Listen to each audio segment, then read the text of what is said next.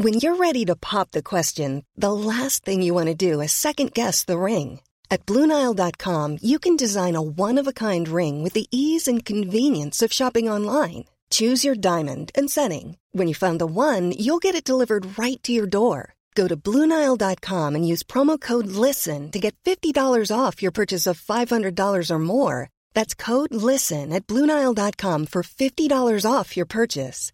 Bluenile.com code LISTEN. Many of us have those stubborn pounds that seem impossible to lose, no matter how good we eat or how hard we work out. My solution is PlushCare. PlushCare is a leading telehealth provider with doctors who are there for you day and night to partner with you in your weight loss journey. They can prescribe FDA-approved weight loss medications like Wagovi and Zepbound for those who qualify. Plus, they accept most insurance plans. To get started, visit plushcare.com slash weight loss. That's plushcare.com slash weight loss.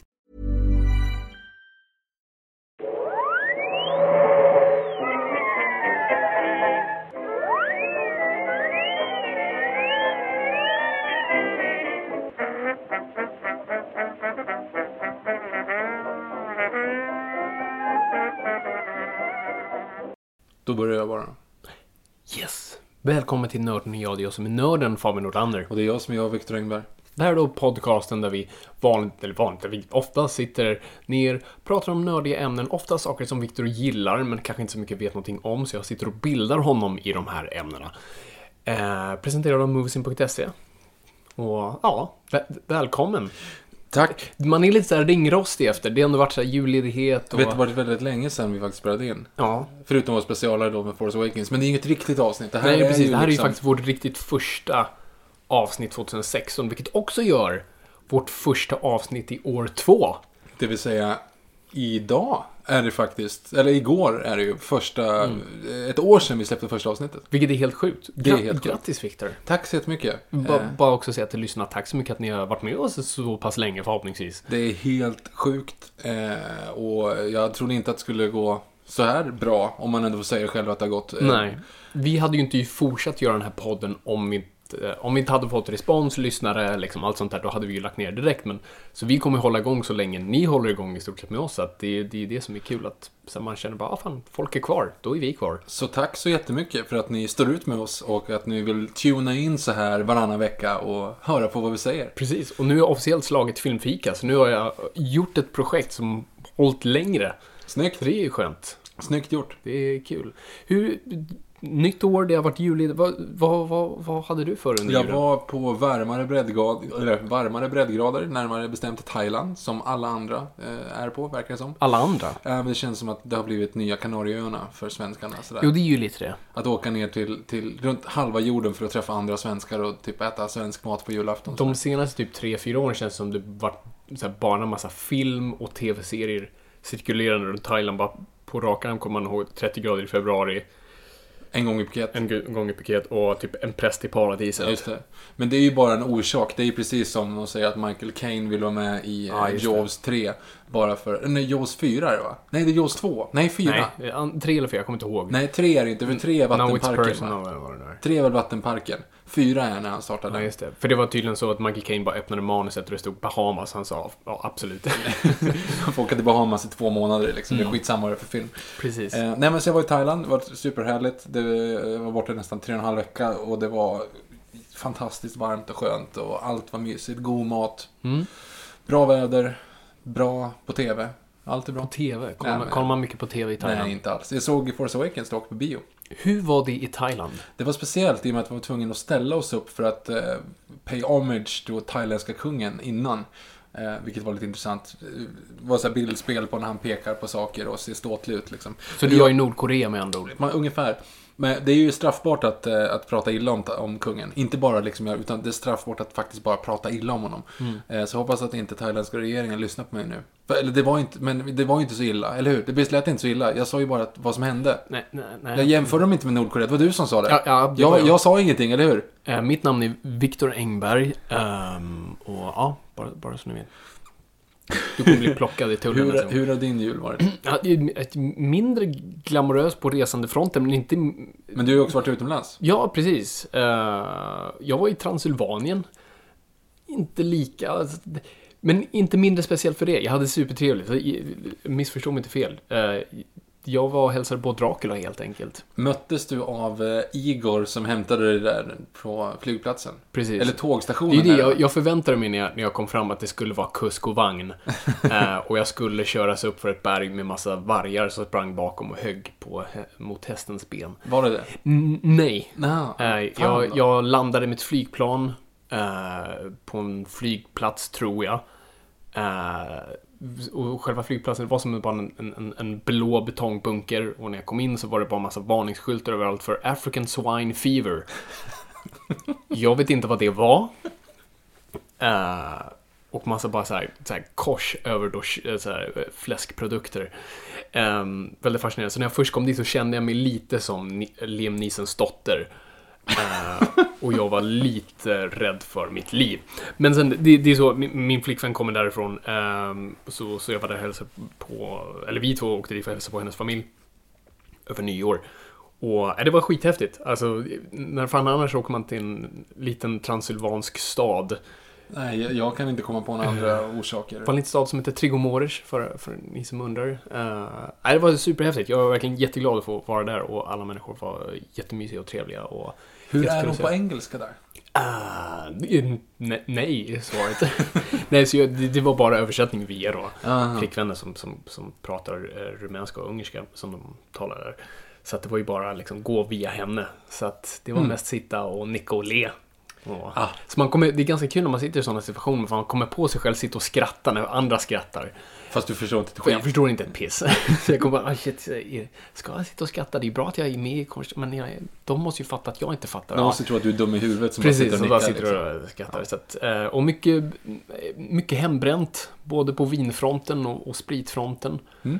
Och det är ju bara liksom vifta framför ögonen och bara, okej, fine, vi vet inte hur starkt det är, men, men vi, vi kommer inte dö av det. nu i alla fall. Eh, men det var supertrevligt, det var verkligen jättehärligt. Eh, så jag är jätteglad att jag gjorde det. Så att det, det var min, det var min, mitt, ska man säga, jullov, säger man så? längre? Jullov, du, det är inte riktigt Julledighet. jullov. Ja. Det är en jul helt enkelt. min jul, precis. Eh, men det är inte därför vi är här. Det är absolut inte därför vi är här. Nej, eh, utan som sagt, där är Nörden jag, där vi pratar populärkultur, film och serietidningar och allt sånt där. Och, och idag är det ju väldigt passande att vi pratar om filmskaparen Quentin Tarantino. Eh, Yes. Hans film Hateful Eight har precis kommit ut och det är hans, som han själv säger, åttonde film, vilket egentligen inte stämmer, men hur som helst. Så det är ju inte mer passande att vi sätter oss ner och faktiskt pratar om Quentin Tarantino, hans filmer, bara liksom Quentin Tarantino-upplevelsen överlag och så. Eller hur? Det tycker jag låter som en fantastisk idé. Så vi kommer alltså gå från början till slut, prata om alla hans filmer, kanske främst om han har skrivit och regisserat. Det finns ju lite andra runt omkring, men vi kommer mest toucha hans liksom, grejer. Eh, och prata lite så. Men, men, men innan vi går igenom allt det där så bara, som vanligt måste vi först gå tillbaka in i oss själva. Yes. Som Nietzsche sa, liksom, when you look into the abyss, the abyss looks back into you. Och det är det vi måste kolla på här. Och inte Abyss från 1989. Eh, nej, Okej. Ja. jag tror de har det citatet dock i början av filmen. Det, det måste de ha haft. Ja, det, annars är det ju tjänstefel om du inte utnyttjar liksom en av de kändaste. Precis. Eh, så min fråga är först... För vi har en ganska gemensam Tarantino-historia Ja. på ett vis. Men du kan ju börja med det. Tarantino är anledningen till att den här podden finns. Skulle jag säga.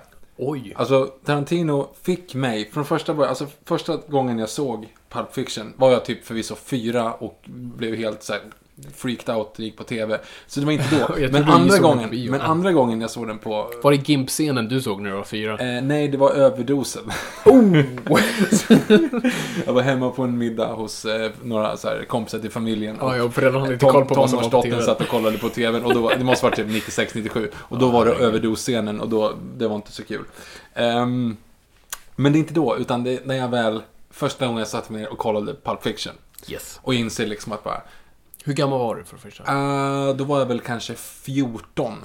jag tror det är tidigare. Är det tidigare? Ja, kan det vara 13 då? 13 någonstans. För att det var ju när boxen kom och den boxen, Boxen. kom ju 2005, så det var ju innan dess. Det är ju efter Kill Bill 2. Ja, ja. Så det var innan boxen, men jag tror att jag var 14.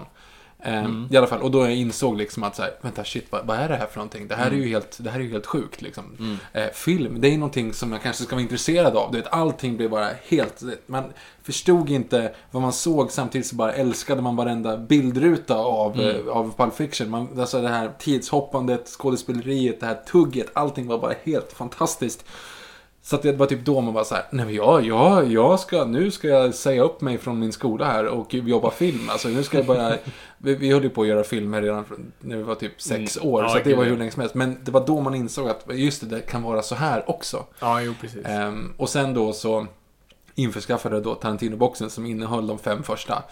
Eh, vilket var helt sjukt. Jag kollade ju sönder verkligen. Ja, den boxen ser ut som en eh, 20-lapp som har varit i rotation i 30 år. Oh ja, oh ja, den är helt sönderkörd liksom. Mm. Jag, det var min absolut största idol. Absolut största idol. Mellan i alla fall, ja men 14 och 16 skulle jag lätt säga. Ja. Eh, och han, eh, hans filmer har liksom varit... De är, de, jag tänker på dem minst en gång om dagen. Oj, shit, Alltså dra jag, de referenserna. Jag, jag visste att du var fan, men nu Jo, nej, men det, har ju kommer- varit, det har ju varit helt sjukt. Eh, men sen så har det väl kanske trappats ner lite grann. Men från första början så är det ju därifrån det kommer. Alltså Mm. Ja, det, det riktiga filmintresset, det som inte var liksom Jurassic Park, Star Wars och, och Kranbjörnarna i Underlandet. Det, Mm. det, liksom, det kom ju med Tarantino. Ja. Så. Nej men det är samma sak här och, och min ingång blir ju när du skaffar den där boxen. Eh, för då introducerar du mig, för jag hade inte sett någon Tarantino-film innan, i alla fall medvetet vad jag kommer ihåg. Eh, jag filmfan, men som man är, du vet, i, i barndom och sen tidigt tonår, du vet, men man finner Spielberg, du vet, via Jurassic Park och då direkt, så, så från när jag var barn så älskade jag Spielberg. Jag ritade Spielberg, liksom, i mina ritböcker. Så jag var ju ett filmfan på så vis, men som du säger, det är mer liksom de här blockbusterna och liksom de slags klassikerna. Eh, L- Lucas och, och Spielberg. Och sen blir det ju inte förrän du då tar fram den här boxen och, och vi bestämmer oss för att se liksom från Reservoir Dogs till Kill Bill volym 2. Och vi ser Reservoir Dogs.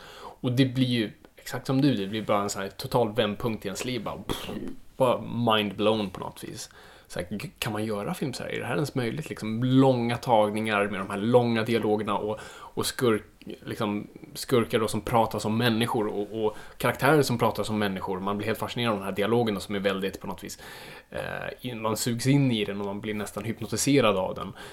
Uh, och sen ser man Pulp Fiction, det blir bara ännu mer av det där. Och, just, och där kommer filmspråket ännu mer fram, den här väldigt nästan surrealistiska och, och metatekniken som man använder sig av mer och mer av. Uh, och därifrån är jag, från att vara ett filmfan blir jag cineast. Och blir, liksom hittar en helt ny grej utifrån det. Och efter det börjar jag se liksom Coen-bröderna, Stanley Kubrick och det liksom utvidgas därifrån. Så, så Tarantino är absolut början där. Alltså, Och det känns, som det, det känns som det är nästan så med alla. I alla fall av vår, generation och kanske... Ja, Men jag tror fortfarande att det är det. Jag tror att det är liksom, när du upptäcker Tarantino så, så blir du filmnörd. Ja, jo alltså men det, det är så det är. För, för att han tar ju så mycket troper från andra filmer så det är ju lite som att få en snabb kurs i just scenografi. Alltså det blir lite scenografi, scenografi. Alltså du får liksom filmspråket så inmatat i en nästan komprimerad form. Du får liksom som en kaviartuba instoppat i bara, Jag vet inte vad som är i den här men det är massor där. Ehm, och det är lite det som känns som alla delar. Uh, så, så, så som du, Jättestort Tarantino för vi såg alla filmer, älskade alla. Alltså vi gjorde ju till och med bara, alltså vi var så besatta av Reservoir Dogs så vi gjorde till och med, för vi gick på en sån här ABF filmskola liksom, på fritiden bara för att föräldrarna ville ha ut oss i huset. Ehm, och då skulle man göra små filmprojekt. Så ja, men vi, vi gör, vi gör ehm, eh, bensinscenen, I Reservoir Dogs. Reservoir Dogs. Ja. Eh, vi, vi gör den bara, rakt av.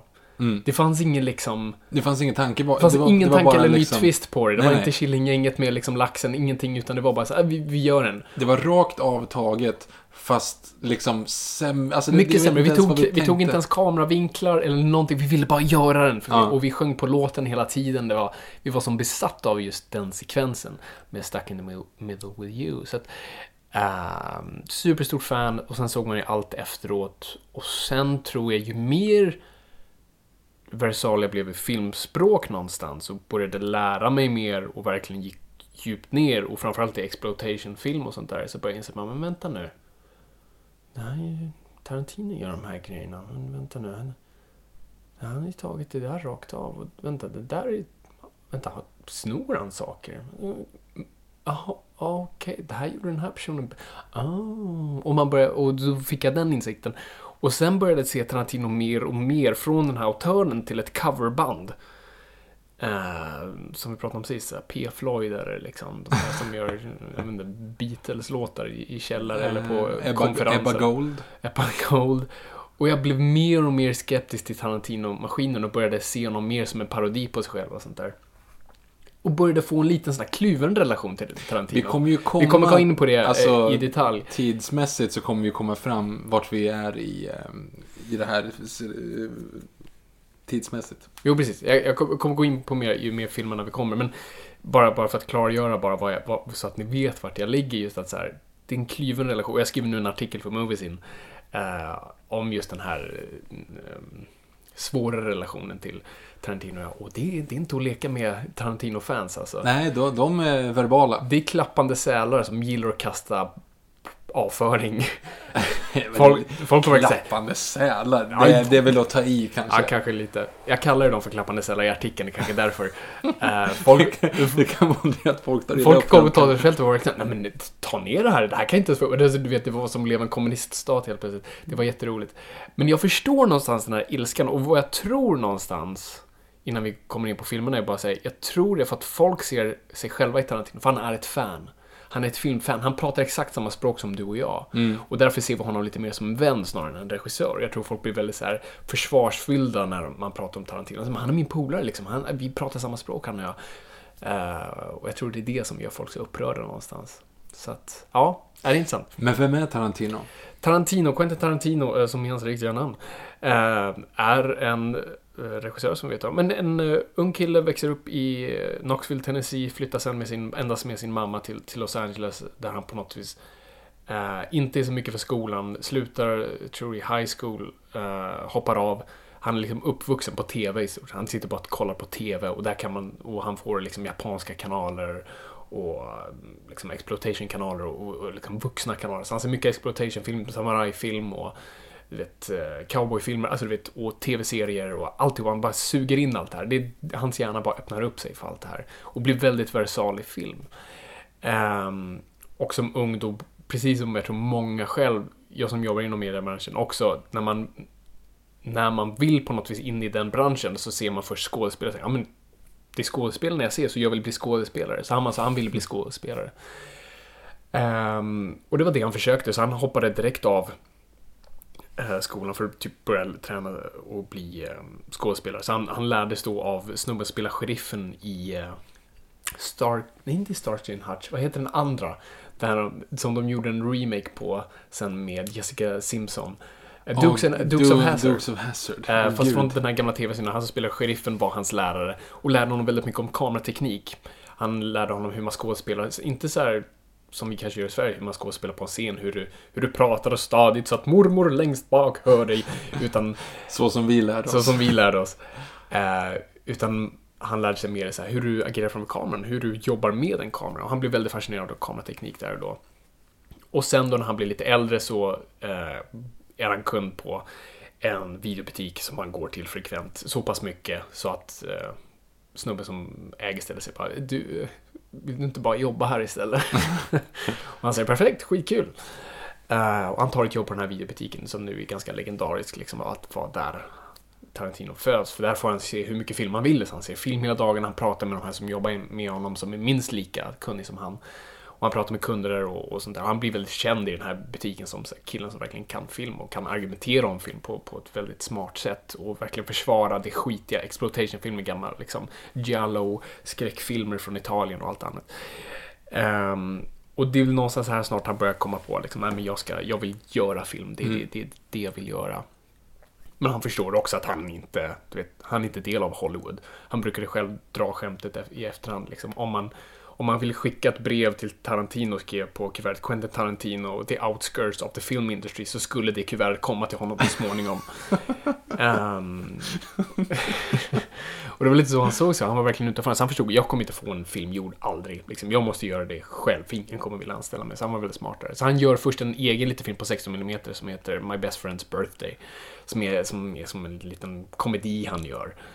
Eh, Den är lite så här uncanny valley. Jag, jag har inte sett den, men jag såg, jag, jag googlade upp den innan bara för att kolla vad det var för någonting. Den är ju en timme och sex minuter lång. Mm. Ja. Vilket är liksom så här, den är för, för kort för att vara en långfilm och för lång för att vara en, en kortfilm. Den, du, vill liksom, det där kommer ju aldrig bli någonting. Nej, nej, men han ser den själv som ett misslyckande. Han, liksom, det var, han var färsk i det här. Mm. Men, men, men om man, när man ser på den så märker man att hans dialog är där lite sådär. Mm. Eh, och den, den bygger verkligen på humorn i den, att han använder humor som dialog. Ehm, så han, han gör den i alla fall och det är ingen som upptäcker honom där. Så han bestämmer sig för att helt enkelt börja skriva, eh, för det är det han är bra på. Så han börjar skriva då på vad som är true romance. Försöker sälja den, skitsvårt att sälja den, det blir liksom inte av. Ehm, så han skriver en till, han skriver uh, Natural Born Killers, blir inte någonting av det heller. Eh, så han blir liksom trött på att ingenting görs. Så han säger, jag måste för det första regissera själv och jag måste skriva någonting som är så pass billigt att jag kan göra det bara för några tusen med mina vänner i ett garage. Mm. Där föds Reservoir Dogs. Så är den perfekt alltså. Ja, precis. Så han, han skriver den här filmen och ehm, träffar en, en, en kille som heter Lawrence Bender som var en skådespelare men också aspir, aspirerande producent. Eh, som hade producerat tror en skräckfilm i det här, ett så här, riktigt så här B-skräckfilm. Eh, och Lawrence Bender blev vän med Tarantino. Och eh, läste hans manus och sa du, jag tror jag kan fixa pengar för det här. Eh, och Tarantino trodde inte på honom för att han sa, jag har väntat i flera år på att på folk som säger exakt som du, jag kan fixa pengar och det händer aldrig. Och Lawrence Bender sa, ja men ge mig, ge mig två månader tror jag han fick. Eh, och Lawrence Bender som eh, då går en skådespelarkurs, ger till sin lärare som i sig ger till sin fru, och läraren gillar manuset, ger det till sin fru som älskar manuset, som jobbar på The Actor Studio. Och vem är på The Actor Studio? Alltså den här kända, jättekända skådespelarinstitutionen. Där finns Harvey Keitel. Ja. Och Harvey Keitel får sina händer på manuset. Och han är en slags period i sitt liv där han vill stödja unga filmskapare. Han gör mycket mer mindre filmer och vill verkligen uppmuntra independent-vågen som verkligen är på G där och då.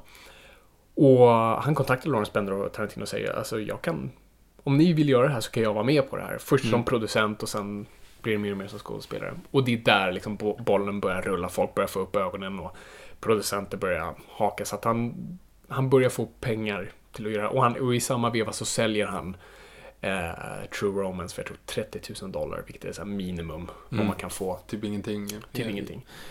Ehm, så att de börjar jobba med filmen, de åker till Sundance, för Sundance har sådana här workshops, alltså Sundance filmfestivalen, eh, de har workshops, och han åker dit med eh, Steve Buscemi som är den första de castar. Och han och Tarantino går upp och åker upp dit för att så här, de filmar in några, in några scener med, liksom, med VHS-kamera.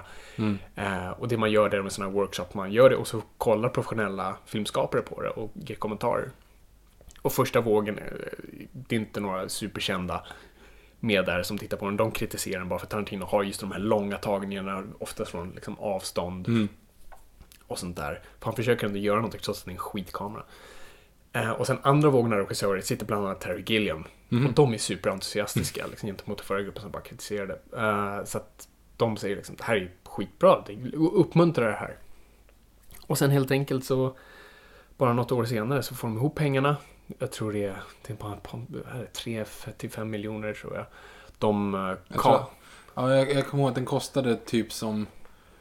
Ja, jag tror den kostade 15 mil räknat svenska alltså.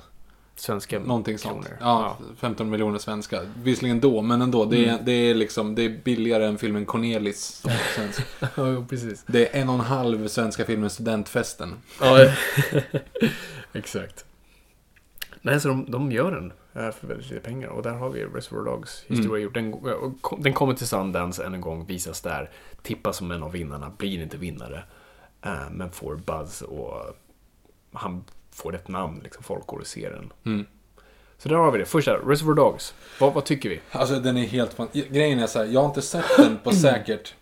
Ja, men på 8-9 år. Mm. Jag såg den nu i, i, eh, i förrgår igen.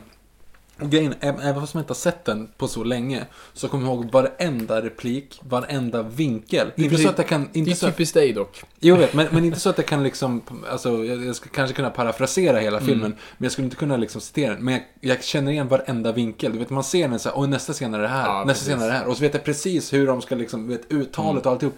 Det är helt sjukt vad den har satt sig för mig alltså. Eh, och jag älskar den filmen. Mm. Fy fasiken vad bra den är alltså. Och det är så, sån briljant idé. Just att sätta allting. Du visar aldrig heisten. Det man tror Mm. liksom ska vara den här, alltså det är en heistfilm där du inte ens visar heisten. Mm. Och så den här twisten då att det är liksom en är undercover. Så det, det är liksom en hisspitcharnas hisspitch. alltså, det, de, har rånat, de har rånat ett bank, de har begått ett bankrån.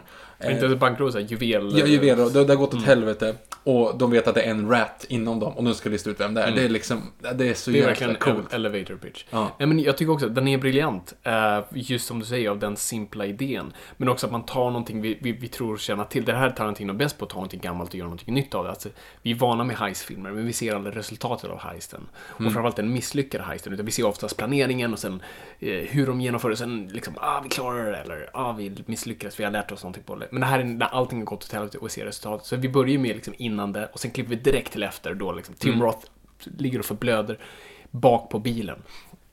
Och det är en jättefascinerande sätt att, att titta på någonting nytt på så vis. Och, By the way, spoilers på alla filmer ja, som kommer på alla filmer, Ja. men jag antar ni som lyssnar ser Tarantino-filmer. Nej men det var också så för mig, alltså jag hade ju inte heller sett den sen typ vi såg sönder den och Mm. nu har man liksom hållit, liksom, på minst tio år har jag inte sett den. Så att man, man vill inte titta sönder, så nu kollar jag på den och det är så kul att se den med ett nytt nu när jag liksom jobbar professionellt med manus och, och, och liksom i filmbranschen och bara har ett helt nytt sätt att se på det. Hur jävla bra skriven den är.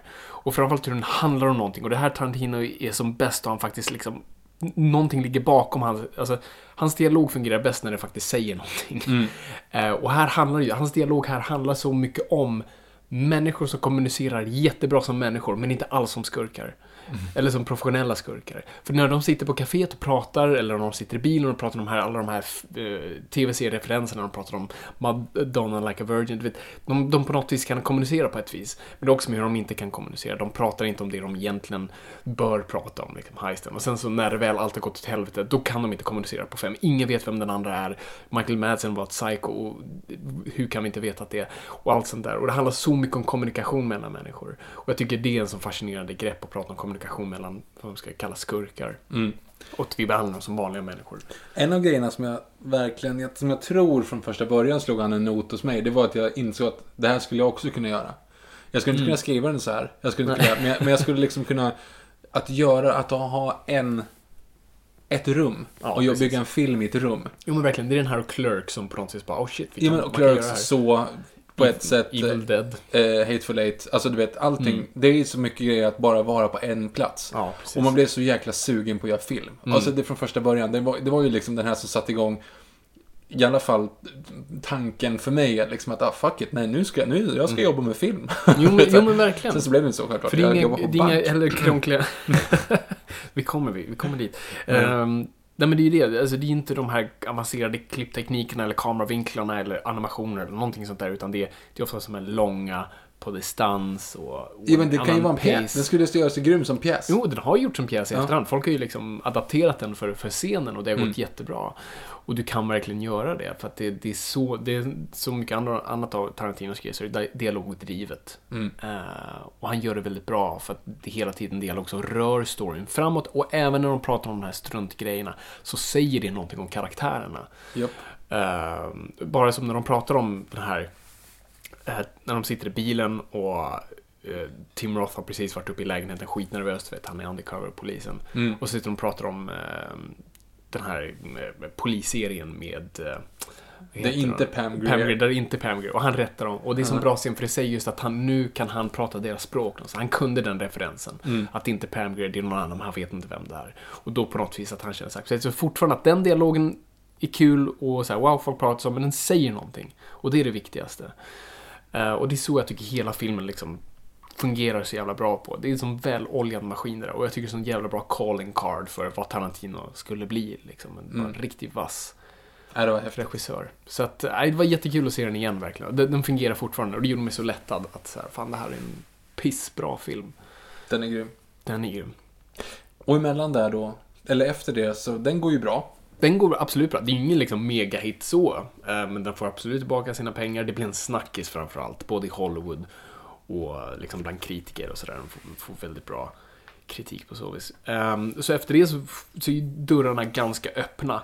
Så att eh, Tarantino får en deal med uh, Tree Star att skriva ett manus. Jag tror han får en miljon dollar för, för att skriva ett manus. Eh, Så han vill skriva då en sån här antologifilm baserad på såna här, så här crime noveller, eh, novel, noveller. Eh, crime novels, lite sådana dirty, alltså pulp fictions, alltså verkligen så här, såna här vad ska man säga, popcornböcker nästan, Mm. som handlar om kriminalitet. Och, me- men medan han skriver det så kommer han på liksom, nej men fan, jag, har, jag, hittar annat här. Jag hittar någonting utanför de här böckerna, nästan det som händer innan och efter och, och liksom att man följer med de här personerna. Så han skriver det här manuset eh, med hjälp av eh, eh, en som, som heter Avery som, som är med och bara liksom hjälper honom med de här olika storiesna.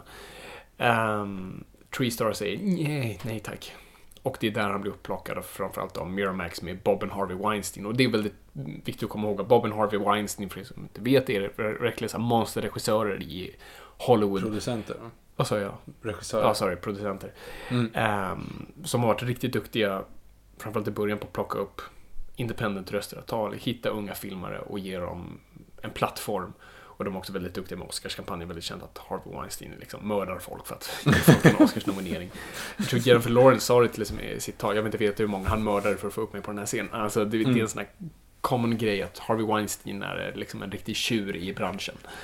Men han, plock, han och sin bror plockar upp eh, Tarantino och bestämmer sig då för att göra vad som då är Pulp Fiction. Som- Ehm, Är den, ja, en av de absolut bästa filmerna som någonsin gjorts. Ah, jo, faktiskt. Nej, men alltså, och den klassas ständigt som det. Det blev en sån här, den ansågs vara, åh, det här är en röst för en ny generation. Och så Ja, den, är, och- den, är, den, är, den är bättre än Reservoir Dogs, den är bättre än alla hans andra. Det här är hans bästa film enligt mig. Alltså den är, den är helt fantastisk. Och det är samma sak där. Det här var ju som sagt den som egentligen fick mig bara liksom så här, det här, jag har aldrig sett något liknande. Det här är ju inte Jurassic Park liksom. Det här är inte Harry Potter. Jag, jag förstår, vad är det för någonting liksom? Det var helt sjukt. Alltså första gången jag såg den var, var liksom, ja förutom då när jag, när jag var typ sju år. Alltså det var, det var så jäkla häftigt och hur man liksom inte twinar allting och allting bara funkar och allting är så fantastiskt och så, ja det, det, är, så, det är så grymt. Och den här råa humorn, alltså det är humor utan skämt. Absolut. Och vilket, vilket också, det, det genomsyrar egentligen alla hans filmer. Men det, det är ju roligt, fast det är inga skämt överhuvudtaget. Utan det är Nej. någon som metahumor så att man, jag, jag, jag Jo, men han, älskar han det. pratar väldigt mycket ofta om det, att, att du, du har oftast en så pass realistisk situation där någonting så realistiskt händer. Eller oftast någonting väldigt, alltså som bara skjuta någon i baksätet av misstag. Alltså det är skitroligt men väldigt tragiskt. Och, och Mm. Ja, det är någonstans. jättehemskt egentligen. Och då måste tvätta ur bilen. Alltså det är fortfarande, vad är resultatet av saker liksom? Ja, vi Mm. gör någonting, men vad är resultatet av det?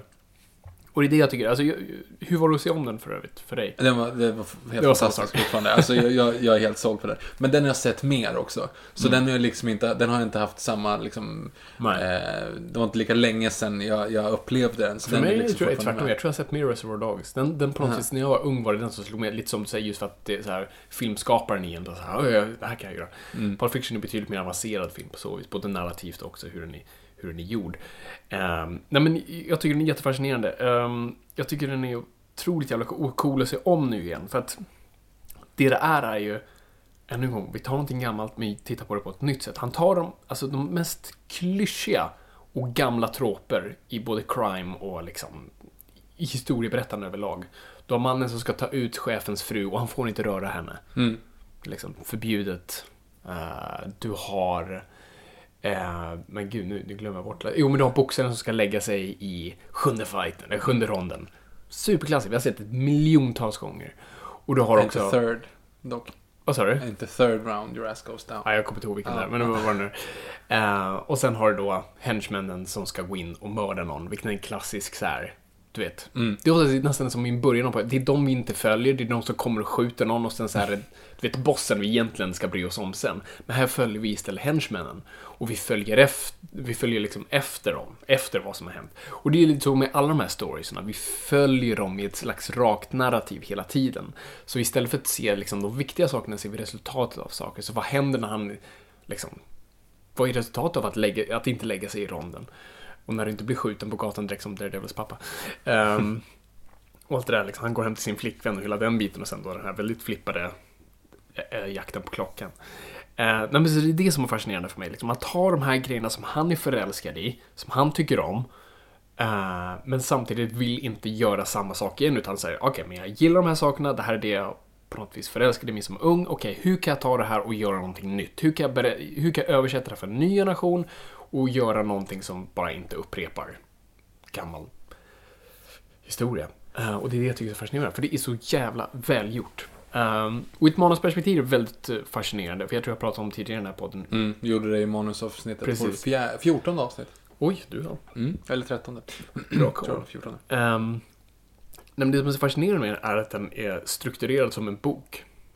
Man brukar prata om, alltså när du adapterar böcker till film och sånt, du kan sällan göra det rakt av för att böcker kan hoppa in och ut ur karaktärer, bak och fram i liksom i narrativet. Det kan vara i dåtid, nutid, samtid. Alltså det spelar ingen roll. Det är liksom, du kan hoppa hur du vill. Och i film gör man väldigt sällan det, för det är väldigt svårt att hålla en publik engagerad så pass länge. Så du, du gör ju oftast från punkt A till punkt B. Eller vi kanske har slutet i början och sen leder vi upp till den. Men här skriver det som en bok i stort sett. För jag har de här historierna som narrativt, man kan ju lägga ut tidslinjen ganska bra. Eh, Men de spelas ju inte alls upp i den, bit, i den ordningen. Och sen så alla karaktärer droppar ju in i varandras stories hela tiden. Och i olika tidpunkter från vad det faktiskt ska vara. Så Vincent Vega är ju död tidigare och sen ser vi honom levande. Alltså du vet, det blir den här eh, väldigt hoppande. Så om man ska dra igenom egentligen tidsmässigt, då är det ju det första som händer är att de sitter, första, första tidsmässigt första scenen är ju sista scenen egentligen. Ja, det är precis. Alltså han vann där Han är Bunny och Pumpkin. menar För jag. det är, ju, det är ju det första som händer. Precis första vi ser. Men egentligen, Nej vänta, nej, det är precis innan. Nej, när de, när de Nej, ska det är in och sist- skjuta honom. det, är som absolut första. sista i Butchs story. Ja, det är det sista ja. Men jag menar, det första som händer, alltså i, i tidslinjen, Mm. så är det det första som händer att de går upp och ska skjuta. Skjuta dem in i, eh, Ja, Ja.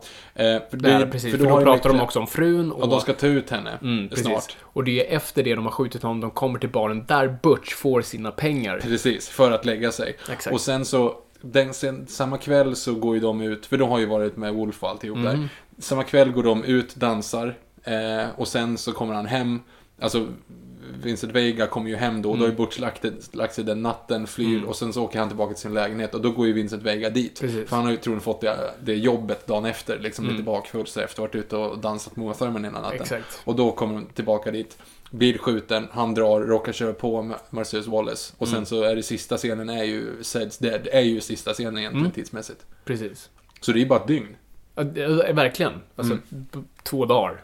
På något. Nej, nej, inte ens två dagar. Det är ja, ju det bara är ju en två natt. dagar, det är en natt emellan två dagar. Ja, ja, Så precis, ja, ja, precis, ja, precis. Så det är, ja, Mm. ja det är 24 timmar typ. Precis. Hela filmen Det utspelas känns på. som det är så mycket längre.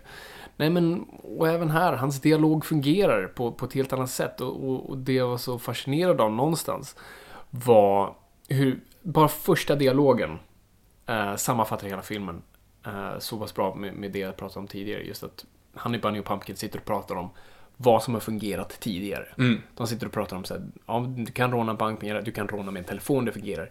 Vi har gjort det, men vi har inte rånat en coffeeshop förut. Och den dialogen, en gång fängslande, kul, prata som folk gör, men det handlar om någonting. Tarantino säger där och då, ni har sett det här förut, men vi ska testa någonting nytt i den här filmen. Och det är det hela filmen handlar om. Och jag tycker det är, än en gång, så jävla vasst. Alla scener är klassiker.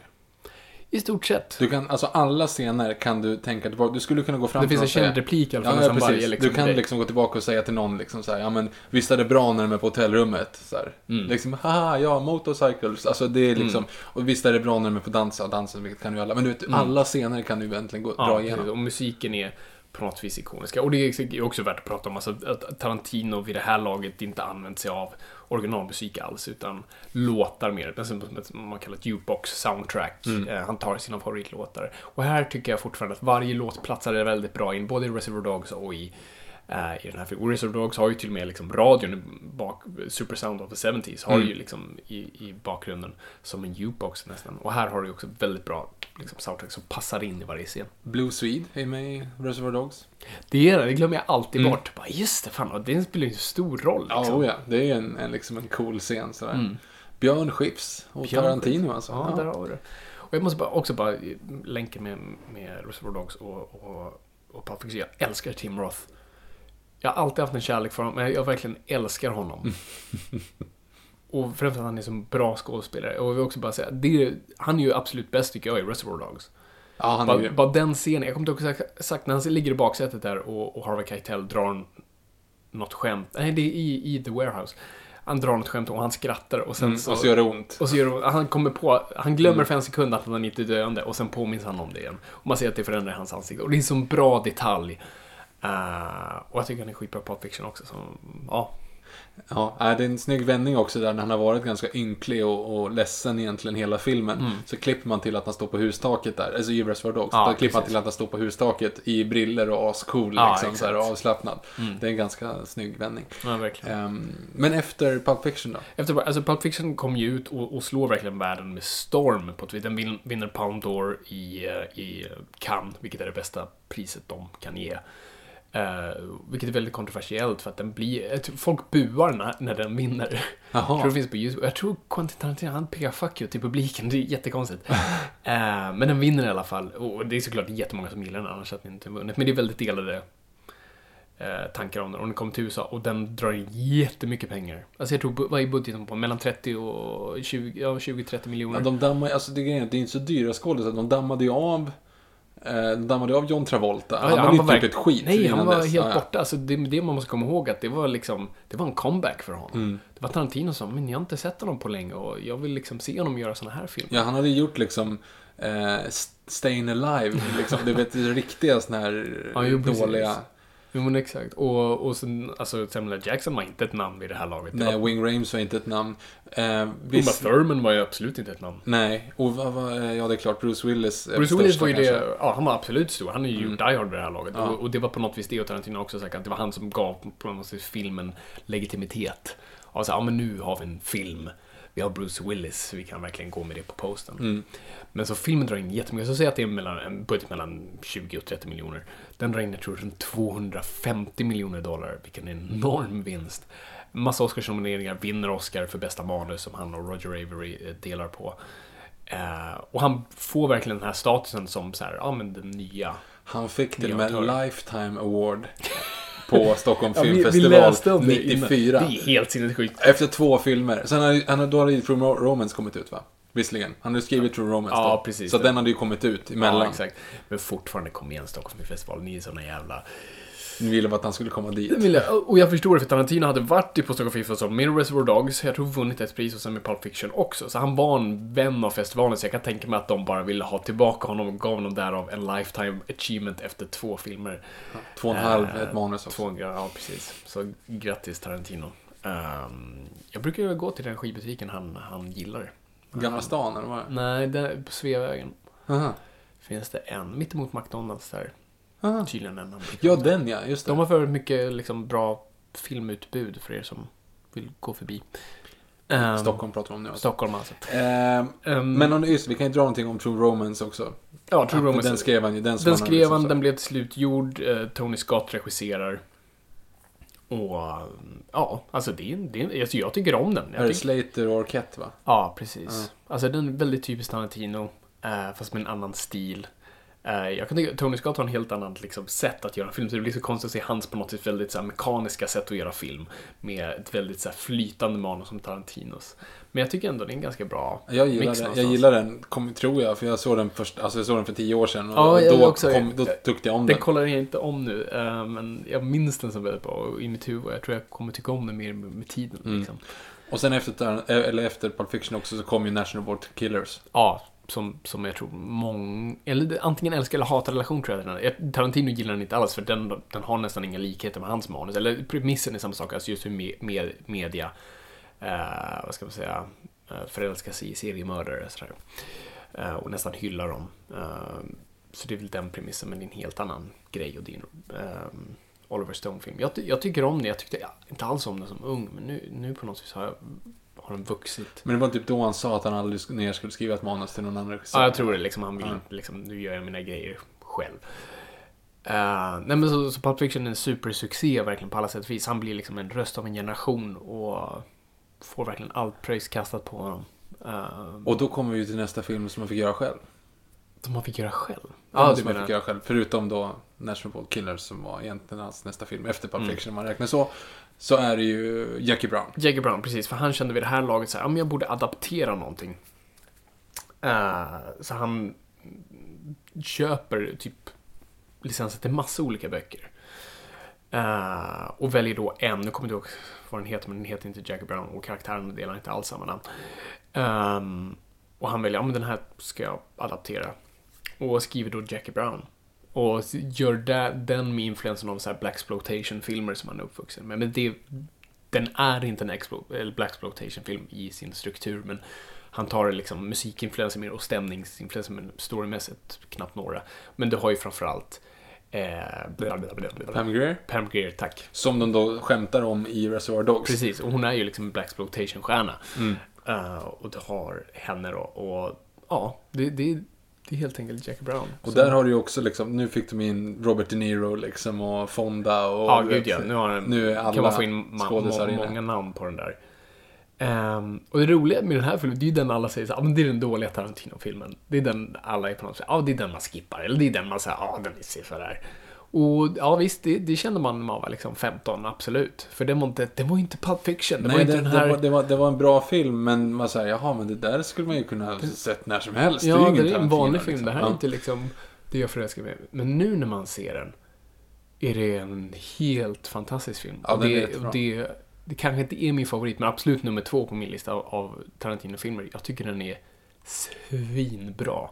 Det här, är en, det här tyder också på en mognad av en regissör. Det är, det är nog hans mest mogna film. Och också visar på en regissör som fortfarande vill utvecklas och testa någonting både inom adaption men också storymässigt. Han har, man ser fort att det är en Tarantino-stämpel på den, men det är ändå någonting nytt. Mm. Nu, han skriver om äldre karaktärer, liksom människor som är på väg ut på något vis någonstans. Både branschmässigt men också eh, själsmässigt. Och gör en kärlekshistoria mellan två liksom 50-åringar Mm. Det här är en ung kille. Alltså, du vet, det är inte en omogen film nästan någonstans. Nu försöker jag bara tänka, tänka är det något slags Alltså gårblodigt i den? Jag kan inte komma Ja, det är när De Niro blir skjuten i magen. Ja, precis. Det är lite splatter ja, det är ja. sant. Men, men bortsett från det, liksom, en väldigt clean film. Det är en ganska clean film annars. Alltså, språket. Mycket, och, och knark. Ja, ja, absolut. Allt och sånt är ju liksom, men jag menar mer liksom, det är inte så mycket av det här blodet som är, för det är ju det, Tarantino var alltid länkad med våld och folk gillade det verkligen För att det var ju på något sätt, han ansågs ju nu vara mainstream-regissör. Och med Pulp Fiction blev en mainstream-film mm. för hur mycket den ändå drog in. Och folk var inte så förtjusta i det våldet som var vanligt i exploitation-filmer, men liksom inte i, i vanlig film.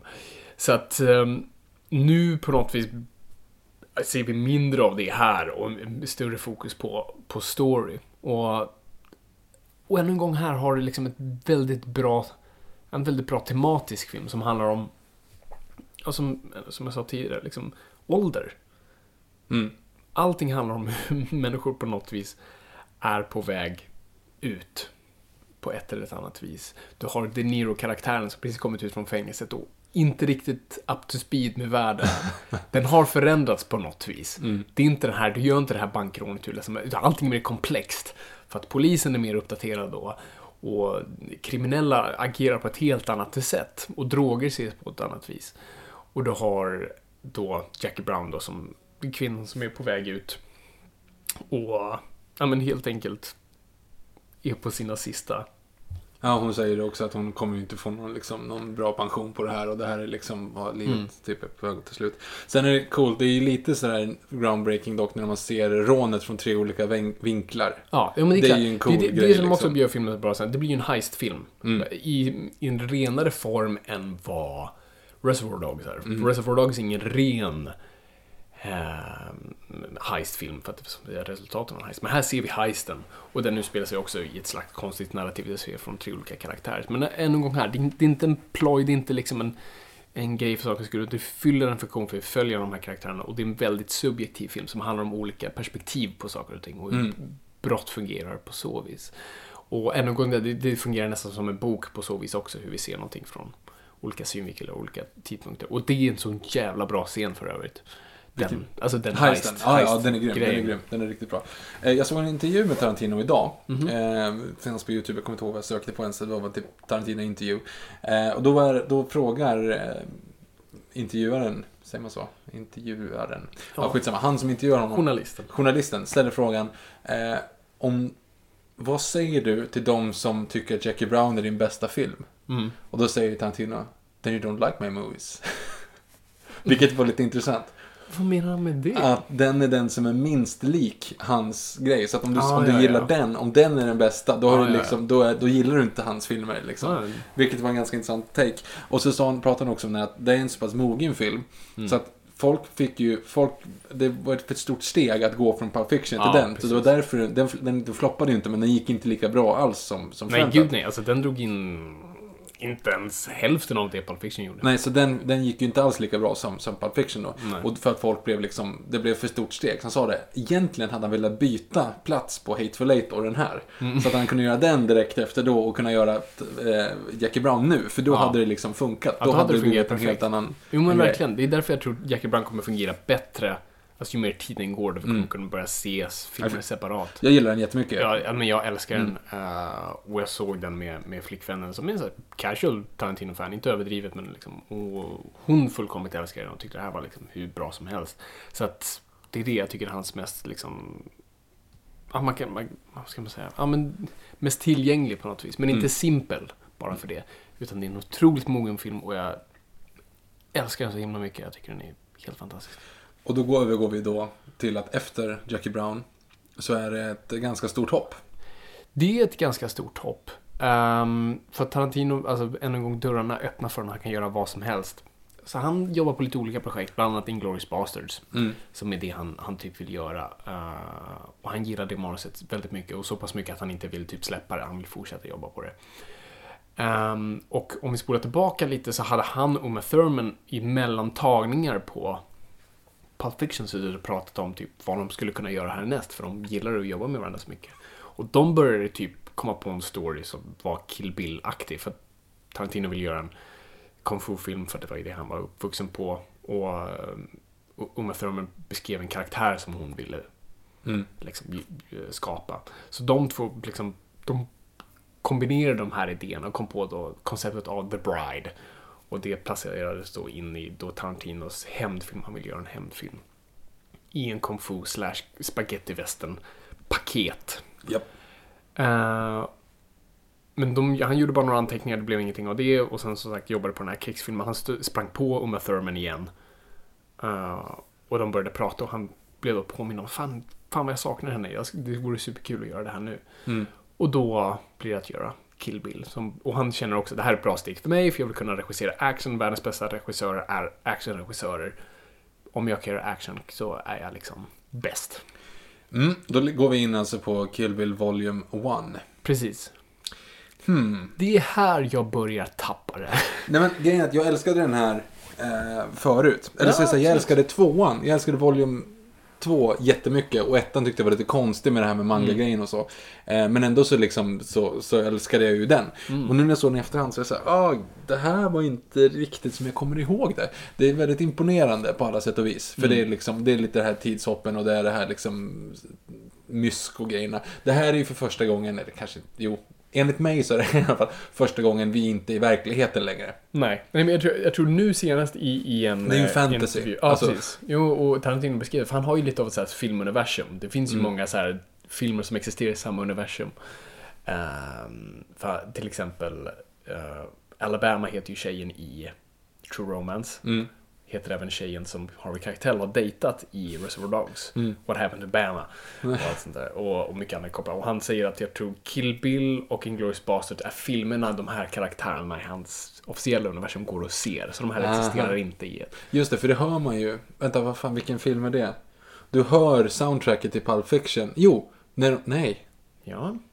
Vilken är det? Ja, men det, det är någon av dem. Du, nu kommer jag inte ihåg vilken, så det här är helt dumt. Det här, du var uppmärksam att jag bara har läst det här uppenbarligen nu, för jag märkte ju inte. Du hör soundtracket till någon film när de går ut från bion. Alltså fan, jag, jag, tror, att, jag tror att du går ut från bion i, Det finns i ingen bio som jag kommer ihåg förutom Inglourious Jackie Basterds. Brown. När de har varit på, när de är ute på dejt. Jag får att man hör Pulp Fiction-temat. Mhm. Eller nej, man hör Jackie Brown-temat. Ah, skitsamma. Jag mig att man hör, nej sorry, man hör Jackie Brown sista låten. Ah, skitsamma, det var inget. Jag tror, för att jag ser efter texterna på den. Det var inget. Ta, Okej. Jag tar, tar tillbaka allt. Ehm, ja, nej, precis. Det här är ju betydligt mer fantasifullt. ehm, och out of the world för att det är liksom, ja. Det är konstig kung fu och, Ja, och mycket alla, blod. Alla går omkring med samurajsvärd. Och det Ja, liksom, exakt. ja. Man kan ha samurajsvärd på flygplanet. Alltså det, det Mm. säger att det är, en, det är en annan. Och ljudeffekter och allt sånt där. Och det är inget fel på det. Men det är här som det på något sätt Taran- Tarantino coverband börjar komma in. Han börjar nu istället, för att han har mycket pengar, kunna göra sina fanfilmer. Han gör så ah, men jag vill göra en kung fu-film. Och jag vill så gärna göra en kung fu jag vill göra den här kung fu-filmen. Så han tar karaktärer rakt av från andra kung fu-filmer. Han tar Shaw Brothers-loggan i inledningen. Men det är ju meningen, det är ju en hyllning till Shaw Brothers. Nej, det är, en- men det är ju det. Det är inte Shaw Brothers-film. Det är ju det som stör mig. Jag hatar det. Det finns en tunn gräns mellan hyllning och stöld, tycker jag. Och, Jo, hy- men- och hyllning är att så här, titta tillbaka på något och tillkännage det. Inte att bara ta det och men säga det här är mitt nu, så jag tar den biten, jag tar den, jag tar den här, och fint. Ja, men hyllningen för... Two good things taste good together. Men det är ju som när du eh, tejpade fast kikarsikten på dina pistoler när du lekte för att ha hans solopistolen. Mm. Det är ju liksom för att få känslan. Ja, precis. Jag var tio. Då. Tarantino var en fullvuxen man. Ehm, Jo, men det är ju liksom så här, kommer ni ihåg de här grejerna ni såg på TV? Det här är en hyllning till det, ta Mm. det inte seriöst. Alltså jag tycker ändå att det, det har jag inget problem med. Nej, men det det, jag, jag hade inte haft något problem om han hade gjort det i, Men han gör det som en autör och claimar det som sitt eget på ett annat sätt. Fast Och- han för försöker inte ju- claima en annan han har- logga. Jo, det är det han gör. Du sätter den framför sin film. Det är ju på något Jo, sätt, det här menar- är en Shaw Brothers-film. Alltså, det, det blir som att han på något vis, för att han också, the, han säger vilken film det är i ordningen av Tarantino-filmer. Han börjar refer, ge referenser till sig själv. Och det börjar bli som han, du vet, han får de här bekräftelsegrejerna som alla har sagt till honom att han är nu världens bästa. Och det blir för mycket ego i den här filmen. Och det blir också, men också bara om man kollar på ett narrativt sätt så filmen tycker inte jag fungerar alls i ett narrativ. Den stannar upp hela tiden. Därför men det- tvåan fungerar bättre för att he- hela tiden så varje actionscen stannar filmen. Så nu ska vi, okej nu stannar vi här och tittar på actionscenen. Och det är nog grejerna jag tänkte också komma till faktiskt på den. För att Mm. jag, Kill Bill överlag, jag tycker även tvåan gör det. Förvisso. ja, Alltså, den är absolut de scenerna. För det är liksom, du ska ju ha de här, alltså om du jämför den här med Hateful Eight som vi kommer till snart, Mm. så tycker jag att den här, den är, även fast den är, händer så pass mycket mer om fler miljöer och, och explosioner och svärdfighter, så är den här så pass mycket segare. Mm. Alltså jag, jag tycker verkligen att det var, jag hade lite så här. När man inser, man tycker att det är skitfint när de kör de här scenerna, alltså de glider igenom och kör ho, ho, ho, ho, ho, den scenen och liksom kameraföljningarna. Mm. Tekniskt jättebra. Helt Mm. fantastiskt, men det blir ändå på något sätt lite trögt. Alltså, Ja. ja. För det säger ingenting. Utan Det det, är, är någon, det är någon som... Transformers-grejen, att bara slänga saker på skärmen gör det inte mer intressant. Nej men exakt, det känns som man experimenterar väldigt mycket i den här filmen. Och det är inget fel att experimentera, men det här känns som någonting han, så här, det här känns som det han skulle ha gjort innan han gjorde filmen. Han testar massa grejer utan att riktigt få dem att fungera. Och jag, när jag satt och kollade på den här filmen fick jag en ganska intressant, så här, reali- liksom jag bara insåg någonting. Bara, det här är Indiana Jones. Mhm. Det här är exakt som Indiana Jones, fast fel. Okej. För det, var, det är exakt samma koncept, för Indiana Jones byggde på George Lucas och Steven Spielbergs barndom. Det byggde på så här, vi älskade de här matinéfilmerna när vi var små, de här lite skitiga, liksom, dåligt producerade B-filmerna. Som var såna här serial, som bara, det var 15 minuter styck och det var en cliffhanger och sen så fortsätter man. Eh, men vad händer om vi tar det, gör det till en jätteepos och använder den tekniken vi har idag och gör en riktig film av? Och det blir Indiana Jones. Mm. Och det här är liksom samma sak. Tarantino tar saker som han tycker var bra när han var liten, men gör om det på sitt sätt. Och det roliga med Indiana Jones, de använde den, alltså det var liksom cutting edge technology på den. Du vet, man tog liksom det bästa man kunde hitta, man försökte göra det absolut, vi gör det här så modernt vi bara kan. Med en nostalgisk wink tillbaka. Så det enda du har där, det är ljudeffekterna. Men det var också för att förklara att det här inte är vår värld. Så Ben Burt då, som är den här legendariska eh, ljud, ljudläggaren, frågade, eh, ställde en fråga till Steven Spielberg och sa Trillar Harrison Fords hatt någonsin av? Nej. Då vet jag exakt vad jag ska göra. Och då är, alltså, hans revolver är ju en hagelbössa ljud på. Och det är väldigt, liksom, överdrivna ljudeffekter. Men det är det enda. Men det är också bara för att förklara, vi ligger lite över verklighet här. Eftersom det är en förbundsark som smälter folks ansikten. Men du, fortfarande, men du har fortfarande en så här supermodern film som fungerar än idag. När jag kollar på Tarantinos version av Indiana Jones så är det någon som bara Nej men kan vi inte ta det gamla? Vi tar, okej, jag vet att vi, vi blinkar inte tillbaka utan vi sväljer det gamla och vi, vi, jag, jag vill bara ha det och lägga det här. Jag vill ta den här silhuettbilden och placera den här. Alltså att man Förstår vad jag menar? Mm, jag förstår vad du menar, men jag ser inte riktigt felet i det. Men jag, jag, alltså, jag, jag ser inget fel med att han gör det. Det jag menar är att jag tycker att det blir lite segt. Och det, är en annan, det, det hör egentligen inte med det att göra, utan det är bara att det kastar saker på skärmen, men det gör det inte mer intressant, för att det är en ganska tunn story. Inget fel med Revenge Stories, för det är Nej, nej, alltså story. de ska vara tunna. Så det gör jag inte så här. det får vara en tunn story. Men kom igen, rör dig framåt. och, gör inte två filmer. Den här, det här behövdes inte vara två filmer. Det behövdes absolut, nej, det behövdes det inte vara. Eh, den är, däremot så visar den ju det här med actionregissör. Alltså Mm. för, första fighten mellan Vivica Fox och Uma Thurman när de kommer Mm. in där i köket är ju riktigt snyggt. Alltså det är ju, det är ju rik- på riktigt ser ut som de håller Mm. på att döda varandra. Och det är väldigt få gånger man ser det i film. Annars är det liksom fäktning, sådär Absolut. jättekoreograferat. Den är ju koreograferad till döds, det är den ju fortfarande. Jo, alltså, det, är- jo, det är inte men- men- rough, det är inte born. Men absolut, den, den är ju skitsnygg. Jag håller verkligen med om det. Men, den säger ingenting. Nej, Vad- nej, nej, nej, men den är snygg. Det är det som är grejen. Absolut. Och jag, jag är underhållen av de här grejerna, men sen blir det för mycket. Men det är det, underhållande vill jag bli av typ om ens Michael Bay, men alltså av liksom en actionregissör. Jag vill inte bli det av Tarantino. Tarantino vill jag ska säga någonting till, för han är den här stora autören då. Han gjorde citationstecken för er som inte är här. Nej men han gör en actionscen där som är skitsnygg men den säger ingenting, ingen är på väg någonstans, vi vet inte varför någonting händer. Och också, jag gillar att hon, stry, hon när vi ser listan så är Oren redan förstruken. Så det vet vi också kommer Mm. Men det ske. vet vi ju inte. Första gången du såg den så tänkte du inte på det. Jag var som sagt 14. Nej, men ja, men precis. Men alltså, det, han kastar så mycket saker på skärmen så att man vet inte vad som händer. Det är ju en Pulp Fiction-grej. Det där är ju sista som händer i Jag första vet, men det, fyller ingen funktion och det får mig ändå så här som nu liksom, ah, okej, ah, det, han har redan byggt upp för det, vad tråkigt. Eh, och den fighten tar mig ingenstans och säger ingenting, den är bara cool. Och det, och jag kan använda exakt samma beskrivning på, ja ah, men första Transformers var cool. Mm, Ja, jag vet, Och men jag vill inte applicera det på en Jag Tarantino-film. men, men hade de säg så då, hade de stannat vid första fighten där och gjort den så och sen så haft en, liksom en mer straightforward film så hade du inte tänkt på det för det var ju nej, ascoolt. då hade det ju varit så här- Grejen att de sen fortsätter med Ja, det så det är gör precis samma sak. Det är den scenen fast med Crazy 88 sen och ett samurajsvärd. Mm. Den är så det lång. Och det känns verkligen som att man hugger ihjäl 88 människor och man blir såhär, jag, jag har total... Ja, det, det, det, är väldigt, det är väldigt mycket. Det blir faktiskt väldigt mycket. Men som sagt, det är också liksom snyggt. Men det, det ja, hjälper det är inte. snyggt. Det, det är absolut. Det, det blir liksom... Transformerna var jättesnyggt gjorda också. Det är inget fel med det. Ja, coolt ljud i Transformers också. Fan, kanske Ja. Transformers. Mm, precis.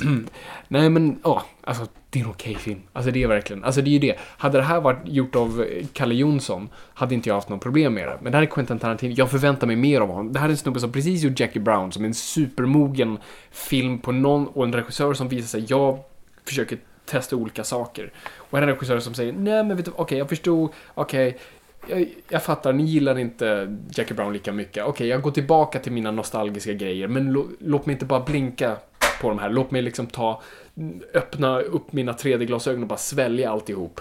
Och bara kräkas det på er. Så ja, hur som helst, vi går sen till um, Kill Bill volym 2.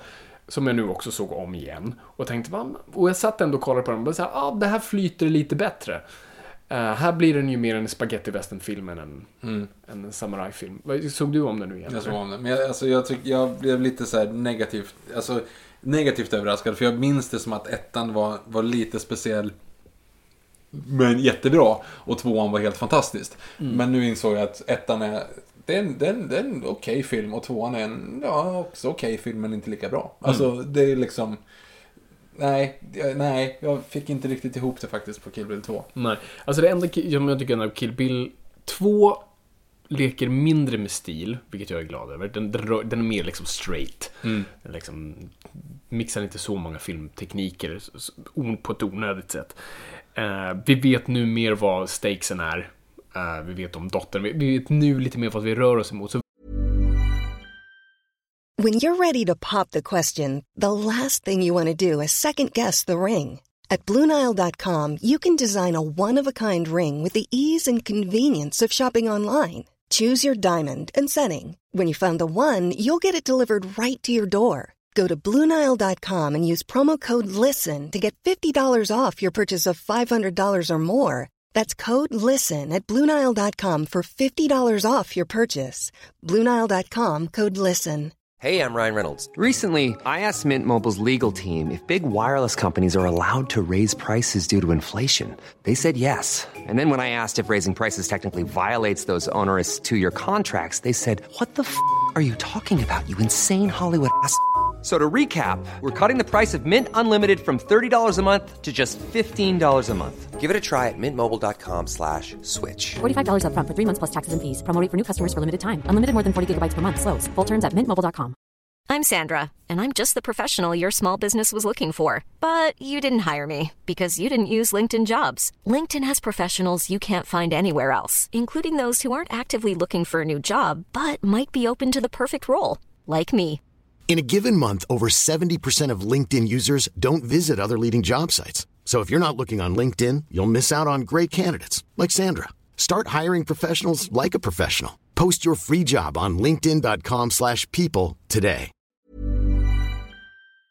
varje motståndare blir lite mer av ett motstånd. Så jag tycker allting med... eh, blablabla. Jag håller på att säga Harry Keitel, men Michael Madsen? Michael Madsen, jag tycker jag är, det är det bästa i filmen. För då är det en karaktär vi vill ska röra vidare, men hon får inte. du vet, Hon släpps i kistan och allt det där. Där, där beskrev någonting som är väldigt bra. Mm. Alltså, kistscenen är ju så mycket mer underhållande. Ja, fel ord, men alltså Mm. du den kistscenen är ju så mycket mer spännande, actionfylld på alla sätt och vis än vad Crazy 88 med samurajsvärd är. Absolut. Och det är det som är, det är, det som är så tråkigt med just Mm. den. För hade de, inte, hade de skippat liksom Crazy 88-grejen, inlett med liksom eh, Viper där, eller Cottonmouth eller vad fan hette, Vivica Fox. Mm. Ja. Skitit i hela Oren-serien och bara haft den som ett, ett intro på tvåan, då hade det varit en Mm. bättre film. Absolut. Nej men de, definitivt. Du skulle ha slagit det. Jo, gör det en två och en halv timme film i så fall. Gör, du hade kunnat skippa helt samuraj-delen där. Eh, Mm. Eller alltså, jag menar, eh, Lucy Lou. Hade du skippat Lucy Lou, då hade du kunnat fått filmen att funka på ett annat sätt. Mm. För det blir för mycket liksom. Ehm, Precis, eller bara kolla på Lady Snowball. Men, eh, exakt. Här rör det sig bara lite smidigare fram, men absolut lite hackigt. Jag tycker scenen med eh, Daryl Hannah är ganska cool. Alltså, också Mm. den fight-scenen är coolare än vad hela Crazy 88-grejen är. Mm. För den är liksom så klaustrofobisk och också vi vill därifrån, så att det är bra. Men absolut, sen har den, alltså, allt med Pai Mei är lite segt, det är coolt, men det är lite så här, okej, Pai Mei-karaktären är också en gammal... Men det är väl Eh, rakt taget. Det är väl samma skådis också som var. Um, Nej, inte samma skådis är det inte, men det det är en karaktär. Han, den skådisen slogs mot Pai Mei i gamla liksom, Ja. kung fu-filmer. Eh, Och Pai Mei är en gammal karaktär från de här och som han har bara tagit. Precis, och det, det är ju inte många som fattar det som ser filmen. Men Nej, de som fattar det Men när väl ser något. de filmerna så bara hmm, vad fint. Fast samtidigt, nu måste man också fråga sig där. Nu kanske jag skiter i blåskåpet som Janne Loffe Karlsson säger i eh, Göta kanal 1. Eh, för vem gör han de här filmerna? Säg själv. Precis. Så vad har vi för rätt att sitta här och klaga Jo, men- på att han, att han, så han som gjorde så bra, varför gjorde han inte så? Mm. Alltså, men han gör de här för sig själv. Han älskar kung fu-filmerna. Mm. Han älskade Pai Mei-grejen. Han älskar liksom att lägga den här loggan inom, för det är det som Mm. är hans barndom. Likadant som, som jag ritade JP på mina dinosaurier, liksom, bara för att jag vill att det ska vara som dem. Ja, precis. Alltså, det här är en, en hyllning och det finns säkert jättemånga som, som har sett Kill Bill. Mm. Och som tänker så, ja men jag är intresserad av vad det här är för någonting. Och hi- upptäcker de gamla kung fu-filmerna. Och det är jättebra på Och så jag, menar, och jag menar, han gör ju det. Han vet ju precis vad han håller på med. Mm. Han vet ju precis vad han håller på med i det här läget. Han gör ju sådana saker. Jag stör mig absolut inte på att de använder gamla karaktärer, att de lägger den här loggan, att de gör de liksom hyllningarna bakåt. För det är det, precis det han vill. Mm. Det jag stör mig på med filmerna, det är att jag tycker att de blir lite tråkiga för att det tar för lång tid. Mm. Och att det är liksom ingen intensitet i, i, i scenerna, trots att det händer massa saker hela tiden. Det är Mm. det jag stör mig på snarare, än att det faktiskt är att det är en hyllning tillbaka till en kung fu-film. För det är det, det har han ju tänkt på. Mm, nej men absolut, det är en bra poäng där. Men när jag, det jag menar när jag säger att han gör det för sig själv är att jag tror inte han vet att han gör det för sig själv. För när han, om man lyssnar på honom i intervjuer och sådär så pratar han om sina fans hela tiden. Så här, fansen vill det här, fansen vill se mig göra det här, fansen jada jada jada. Men han gör ju bara fanfilmer för sig själv. Men har du, De- sett, ja, men har du sett intervju i samband med Kill Bill när han säger det? För där, Ja. okej, för Det- där, det där jag. får jag känslan av att han gjorde precis tvärtom. Att han, att han gör det för sitt eget, sitt inre fan. Alltså att han vill göra det för sig själv. Just för att... Mm. Jo men det, det är en mix av det, men också så här, mina, mina fans vill se mig göra Jada, jada, jada. Men absolut, han vill ju göra en kung fu-film. Det är absolut, det är absolut för sig själv. Och, och det är ju inget fel att göra någonting för sig själv. Det gör ju de flesta. Alltså, det är ju, Steven Spielberg har jag alltid sagt det. Så att den, nummer ett gör jag film för mig själv. Den enda filmen jag gjorde för andra var Indiana Jones 4. Så här, och man ser därav. Så att alla gör filmer för sig själva. Liksom. Vilken konstnär som helst gör Jo, det. men du- men, men du måste någonstans... Men, men då har, har jag även rätten att kritisera dig för det på något vis. Alltså, Jo, du- självklart. Men jag menar att, att ta det som den största grejen tycker jag så här, nej. Men alltså det är ju precis som att, vet, ibland, du och jag har tagit någon, någon öl någon gång. Och så kommer vi fram... Åh nej, vad sa jag? Nej, nej. nej, men och så ska vi komma fram till, vi, vi kommer få fram en, filmidé eller en tv-serieidé och så tänker man så här, "Åh, fan det här skulle vara skitbra, det här måste man göra.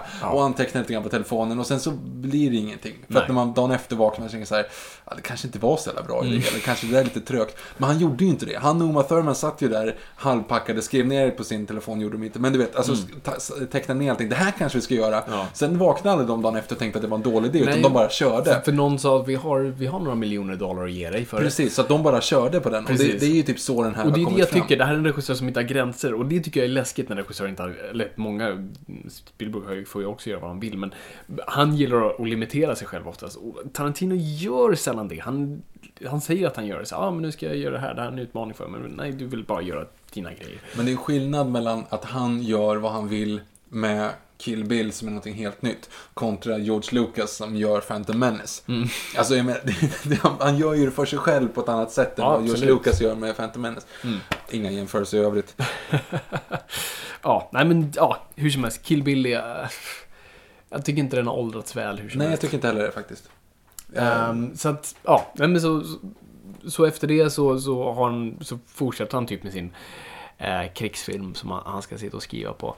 Och ehm, ja, fram och tillbaka med. Det kommer flera olika projekt. Han ska göra någonting annat också. Och det, du vet, som lätt med regissörer, det, är- det är tusen bollar i luften. Han får hoppa in och göra en scen för en dollar i Sin City med hans polare Robert Rodriguez. Precis, och det är väl strax efter det de får idén att göra liksom. De älskar ju mm, än en gång exploitation och grindhouse och vad det innebär.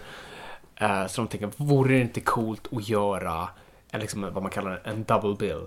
Någonting som är, vi gör två separata filmer i exploitation och så visar vi dem tillsammans med roliga trailers som inte är som vi hittar på. Ehm, och det är det de gör, det blir den här Grindhouse-grejen. Eh, Robert Rodriguez gör Planet Terror och eh, Tarantino gör Death Proof. Japp. Jag tror många, det känns som den här har landat i tiden nu. nu. Jag ser mer och mer och hör mer och mer folk som ändå säger så "Ah, okej, fine, fine, Death Proof var inte bra.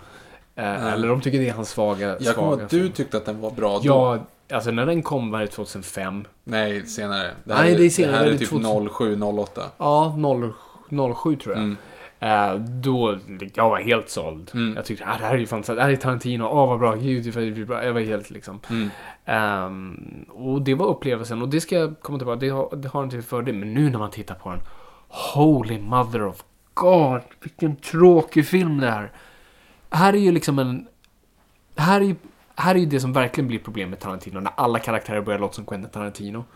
När det blir som att alla på något... Du, märker inte ens att här, olika kön eller ras eller... Alla låter som den här vita 40-åriga mannen som heter Quentin Tarantino. Alla låter exakt likadana. Stuntman Mike och... Eh, vad nu heter. heter. Ja.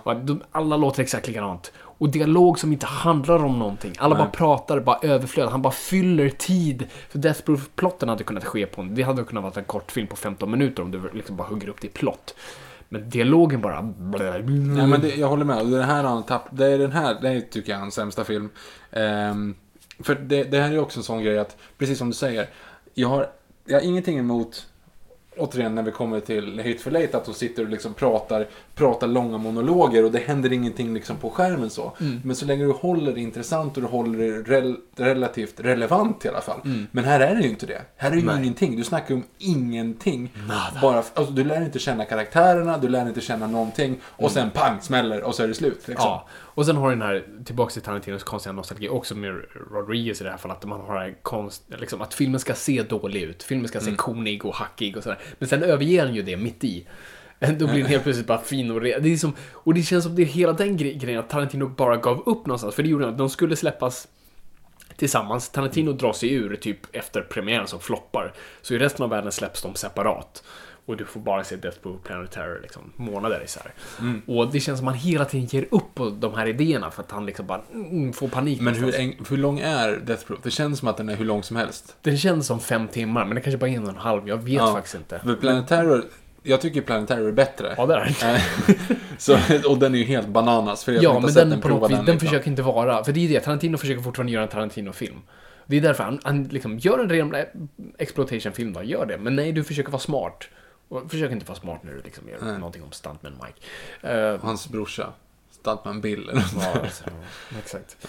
Eh, Kurt Russell är väldigt bra i den. Jag tycker om Kurt Russell. Ja, han det, det är svårt att inte tycka om honom. Ja, och det jag ju faktiskt gillar med filmen, alltså det är ju en gång på ett tekniskt plan. Alltså, jag älskar, alltså Zoe Bell som är stuntkvinnan då, eh, som har den här rollen i den här filmen, är skitduktig. Och den hon sitter på taket på Ja, det är på bilen riktigt. är skitläbbig och du får verkligen liksom hjärtat i, hal- i halsen. Men det är en teknisk grej, det är en cool grej. Mm. Jag kunde sätta en separat. Och jag är inte investerad i karaktärerna. Jag är investerad i shit, det här är ju på riktigt, fan vad läbbigt. Mm. Så att det är ju inte liksom mer än det. Så hade jag bara sett den biten separat så hade jag fått samma reaktion. Nej, jag, jag det är riktigt imponerad av, av de scenerna där. Mobilen och jakten och sista där. Det är riktigt snyggt. Men i övrigt så, så förstår jag inte riktigt storheten i den.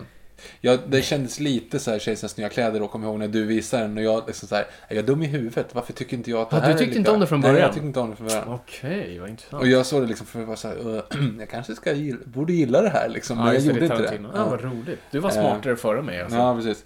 Men däremot så gillade jag ju redan då också som sagt Planet Terror. liksom, men, eh, men den är ju också väldigt speciell. Men den är rolig på det sättet. Ja.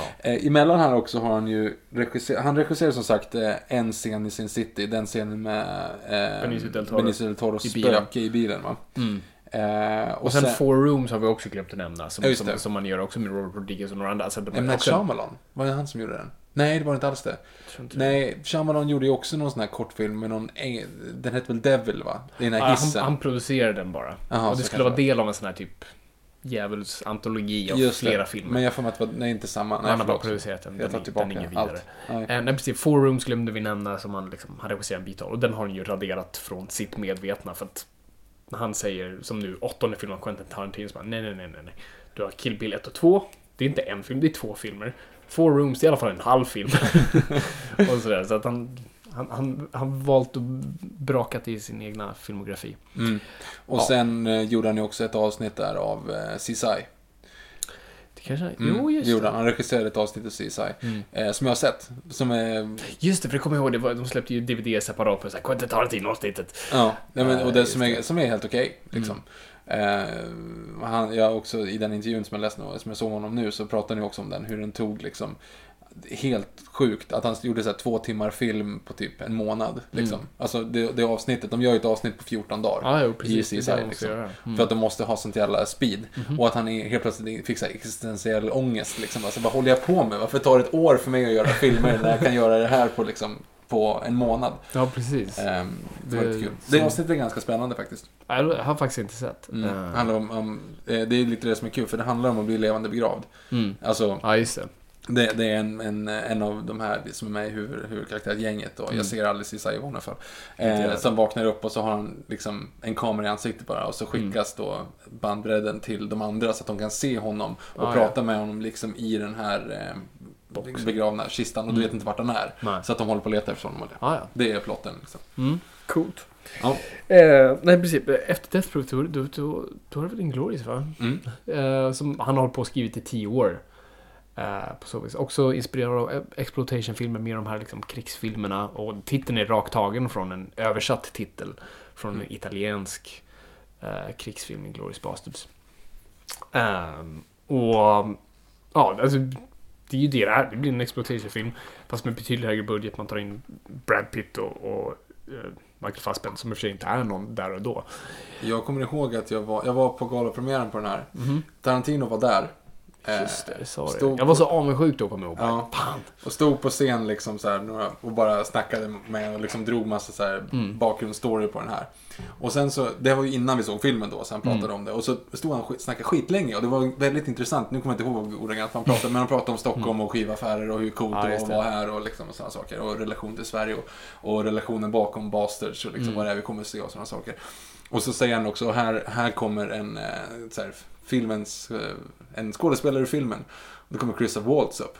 Och det, jävlar. ingen vet ju vem han är. Nej, ingen det. har ju sett filmen. Alla bara säger ja, stick. Yay. Liksom.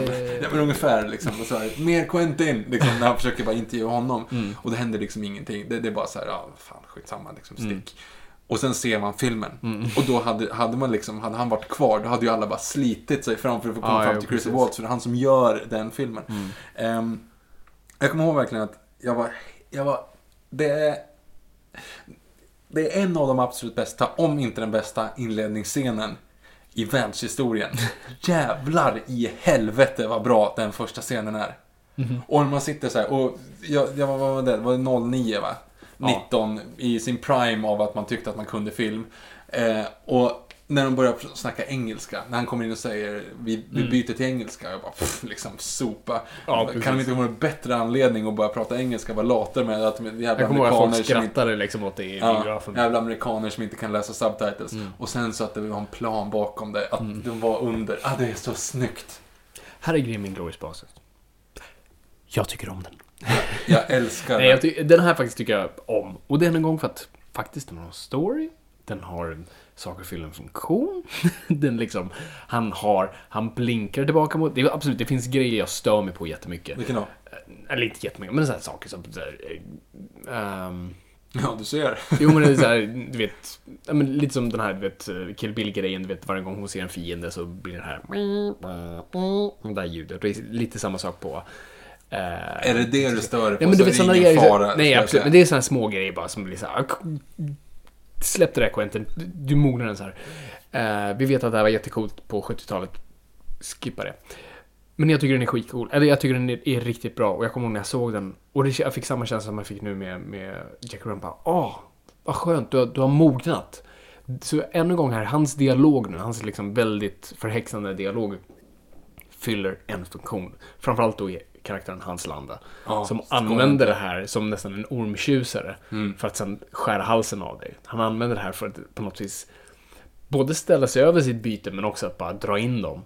Och som du säger, den inledningsscenen är hur fantastisk som helst. Ja, jag, var, hur... jag var helt rådbunden. Alltså hela filmen egentligen. Mm. Jag, jag, jag älskar den. Det här är den, ja, det här är den näst bästa Quentin Tarantino-filmen. Oj, oj, det var Ja, den är riktigt, riktigt bra. Ja. Ja, vi får ratea alla på slutet. Men... Och ja, det kommer, vi har fått frågor om det också. Men, ehm, nej men precis, alltså för att han använder, alltså hans land använder sitt, sitt sätt att prata just för att testa sina motståndare hela tiden. Mm. Så han pratar om, du vet, råttan mot ekorren. Du skulle släppa in en ekorre men inte en råtta men ändå är båda egentligen samma sak. Och så älskar alltså just de här grejerna när det, kom, när det vänder hela tiden. När det är sådana Mm. saker som kommer upp och så bara vänds allting upp och ner. Mm. Hela, Alltså hela tiden. Man tror liksom att de, de hypar Fassbenders karaktär så man ska gå in liksom och bara Mm. rädda det här. Och sen så kommer de här grejerna med att börja snacka om du vet, statister och sådana Mm, saker. Och att han är så påläst. Och, man, och vissa som inte fattar det tror ju att det här är en, en, en death proof. Alltså man stannar upp filmen för att bara prata blaj. Men så är det inte. Mm. Nej, nej, utan Du nej. sitter på edge of your seat hela Det är tiden. det, det är det som är främst bra med den. Här förstår Quentin Tarantino hur han bygger stämning. För att det här är en film du sitter på nålar som inget annat. Allt är så sjukt spännande. Och det är, alltså, Tarantino jobbar med kapitel, så den är uppbyggd i de här kapitelgrejerna. Men jag tycker här det fungerar ganska bra med liksom, det är olika segment och varje segment är väldigt spännande. Antingen i början i stugan eller där nere i baren. Eller på biografen, var det nu är. Eh, och det är skitbra. Alltså, det fungerar och du befarar för de här karaktärerna för faktiskt de du tycker om också här, de låter olika. Hans land låter inte likadant som eh, Brad Pitts karaktär. Nej. Alltså det är olika människor. Jag, jag, jag tycker den är så jäkla bra. Alltså jag, jag tycker, jag, jag kan liksom inte sluta hylla Mm. Nej, men det, är, liksom, det är ingen film som kommer berätta någonting mer om human condition, men det är, det är en väldigt underhållande film som bara gör det den ska göra och gör det väldigt bra. Jag tycker den är otroligt vass. Mm, verkligen. Och cool. Och sen det här att de så här historie, ren, ren rasig Jo, men precis. historieomskrivning. Men det skiter man i. Ja, det liksom. skiter man i. För Ja. det, det, är inte histori- eller det är inte filmens uppgift att berätta en korrekt historia, utan den Nej. berättar sin historia. Och det tycker jag är modigt att han vågar göra det. Så Nej, men det här är vår historia. Vi, Mm. Det här är det vi bygger upp för. Eh, och jag tycker det är, det är ballsy och Mm. coolt. Så att, nej, jag tycker jättemycket om den. Jag tyckte om den då, jag tycker om den nu. Jag tycker det är liksom en... Det var, då var jag så här, ah, men nu är han på väg åt rätt håll igen. Men det var han ju inte. Nej, för sen ska han göra sin tredje westernfilm. För det är det, alltså... Inglourious Basterds är en westernfilm. Han tar strukturen och tropen av en westernfilm men bara, byter skal på den. Sätter det i, i liksom andra världskriget eh, miljö. Så, alltså första kapitlet är Once upon a time in Nazi occupied France. Va? Mm. Så, Vilket filmen typ skulle hetat först typ. Eh, så att han använder de grejerna. Men sen vill han då göra sin då. Han vill verkligen göra en Första western- westernfilmen då, Kill Bill då, för er som inte Ja, Kill. Bill Ja. volym 2 är en westernfilm. Har han själv sagt.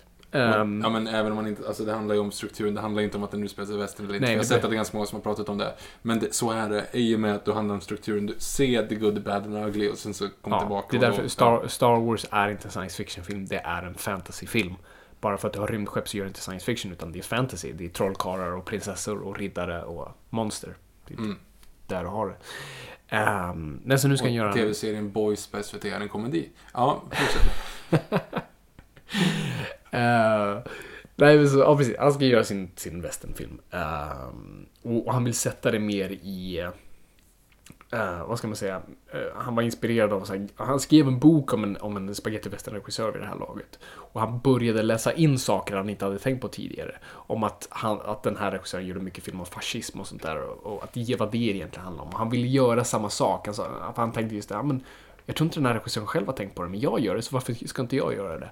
Så han ville just prata om, sätta västern i en kontext av just slaveriet, för det har inte vi riktigt sett förut, hur vi pratar om västern som en väldigt fascistisk liksom, plats.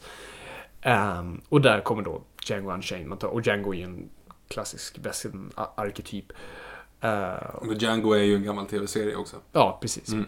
Så att vi tar det liksom, och gör det till en slavhistoria, men i en cowboy-setting i stort Mm. sett. Och ehm, ja, jag kommer ihåg jag såg den här och bara...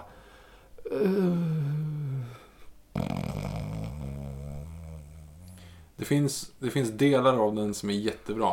Eh, Jag kommer inte ihåg det, du får jättegärna... middagsbordet för Leonardo DiCaprio. Ehm, Fram tills de börjar skjuta igen. Där har du liksom en, där har du lite spänning och edge of receipt grej. Nästan som, eh, ehm, som Inglourious. Men Mm. det är den scenen. Jo, Jag- och det är väl DiCaprio sig, men jag tänker bara, vänta, det här låter exakt som Hans Landa, och vänta, lät inte Hans Landa exakt som Bill, och vänta nu. Alla hans skurkar, alla hans skurkar låter likadana. De är väldigt, de är otroligt duktiga med ord liksom, och verbalt väldigt liksom över oss andra. Och är väldigt förhäxande och sådär. Och bara, fan alla låter likadana. Ännu jävla skit. Det här är Hans Landas karaktär. Och Hans Landa också låter som Christopher Waltz karaktär i, i Django. Sorry. Nej men jag har problemet med Django, det är ju historiemässigt, alltså det här är ju storymässigt. Mm. Jag är inte involverad fem öre för att för det första, 12 Years a Slave kommer samma år. eh, och, och Tarantino säger liksom så här, ja ah, men äntligen så vågar någon ta i slaveriet på film. Man dum i huvudet, har du sett L'Amistad liksom? Alltså det finns ju mycket som helst sånt där. Det är Absolut. knappast det som är. Och Eh, Lincoln kom det året. Ja, Lincoln, alltså du vet allting där kom ju, handlade ju om det typ. Ehm, men det som är det konstiga med den, det är att storyn är, han ska rädda sin familj.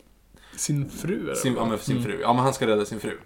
Eh, för att göra det så behöver han då, man, man, om man tänker, det är ett ganska spikrakt mål. Alltså du ska Precis. från punkt A till punkt B. Min fru är bortrövad, jag måste hämta tillbaka henne. Bra, det, det är liksom, det är en, en, kill, en kill Bill fast kill Bill and get the girl. Liksom. Ja, precis. Eh, problemet är bara då, då träffar han Christopher Waltz. Och då säger de, passet är igensnöat i typ åtta månader. Så hjälp mig så hjälper jag dig. Precis. Bara så här. Låt oss gå och Så det blir, catcha folk. det blir alltså en jätteomväg på saker som är, du är inte investerad i det känslomässigt överhuvudtaget. Jag skiter om han tränas, det, det makes no sense ändå. Han kan tränas på vägen, alltså vet, vi rör oss mot det. Precis, för det är det. Jag, jag, jag tror jag skadade efter, jag, när, efter att du började programma manus. Mm. Men alltså för att det, det är verkligen det som är problemet. Istället för att gå från punkt A till punkt B och, Mm. och, och på vägen dit lära sig av saker som dyker upp. Så går de, till, så går de halvvägs till punkt B. Sen går de liksom lodrätt åt andra hållet. Alltså Mm. rakt ut ifrån vägen och bara tar ut och massa småvägar upp i bergen och, och, och väntar och skjuter på någon sån här Ku Klan och någon på något fält där. Och du, vet, det är så här, du har ingenting med storyn att göra. Du har ingenting med karaktären att göra. Du är liksom, det, det blir ingenting. Det blir verkligen ingenting. Obi-Wan has taught you well.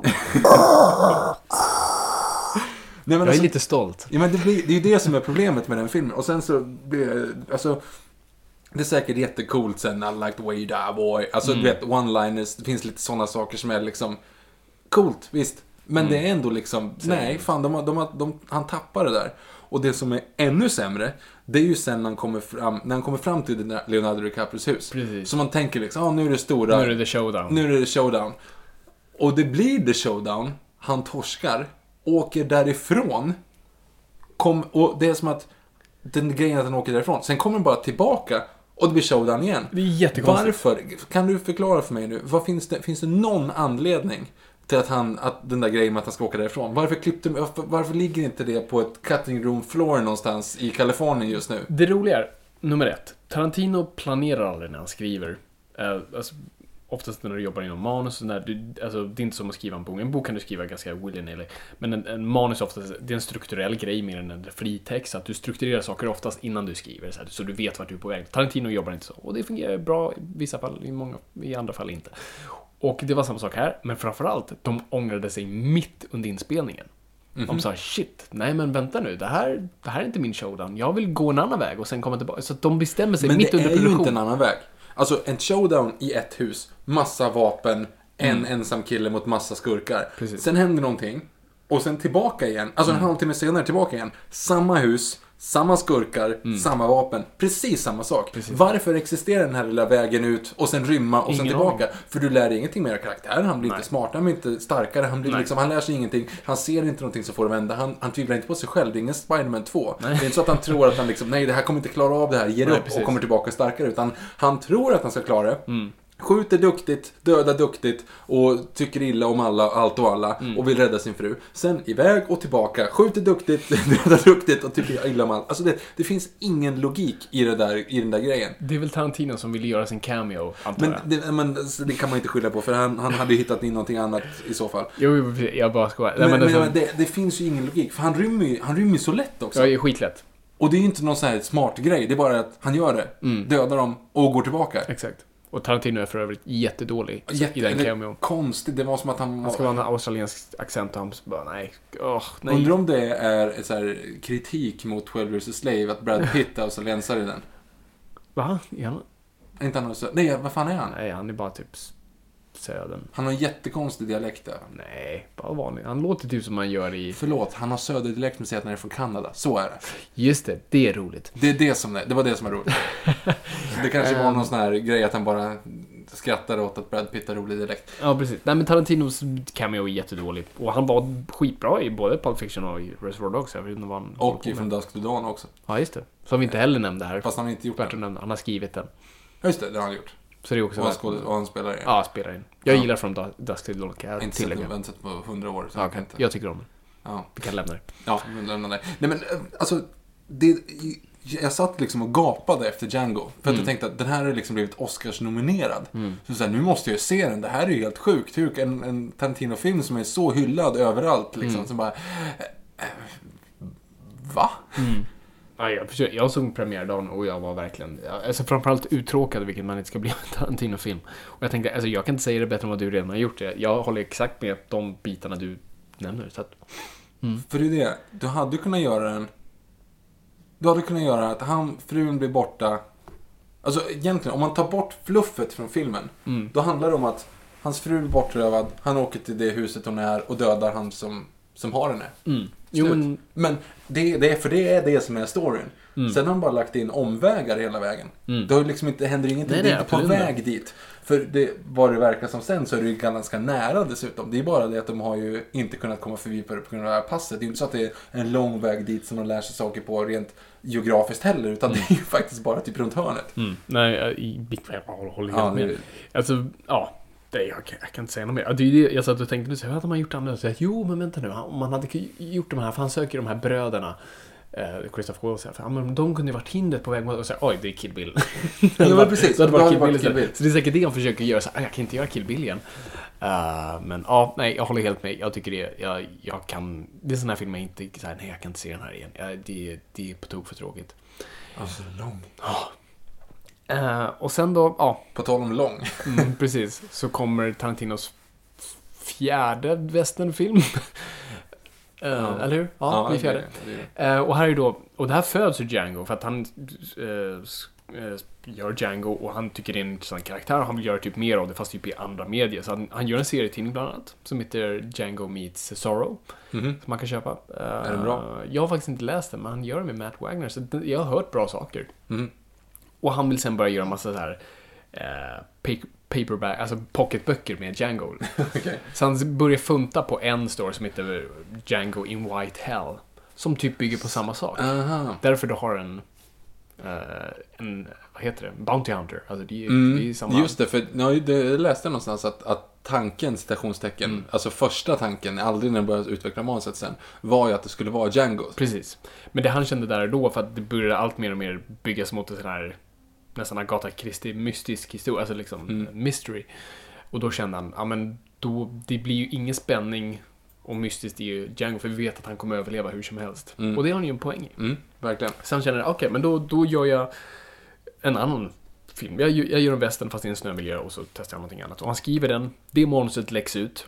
Och just det, just det, just det. Eh, stor skandal, liksom alla kan läsa det. Tarantino blir fly förbannad och säger i stort sett, jag tänker inte göra det här. Liksom, fuck you, ni som gjorde det. Nu har ni liksom förstört för mig, jag kommer inte göra den här filmen.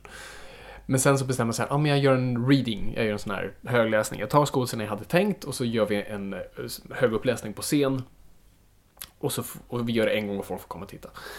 Och han gör det, och när de väl gör det så blir han väldigt sugen på att göra det. för Han tycker skådespelaren blir så bra, det är så bra reaktioner och liksom, fan det är kul. Så han bestämmer sig att han skriver om lite bitar och gör om den, gör om slutet tror jag.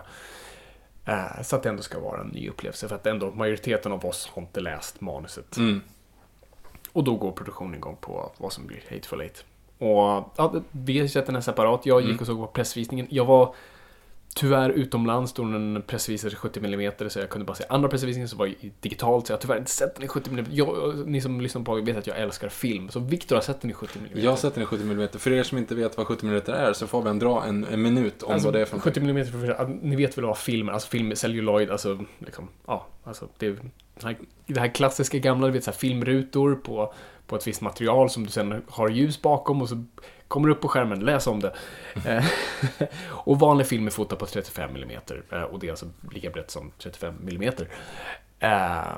Men i det här fallet så är 70 mm, alltså dubbelt så stort, vilket betyder att du måste ha en annorlunda kamera, annorlunda linser, tar in mycket mer ljus och mycket mer liksom, space. Väldigt optimalt för westernfilmer.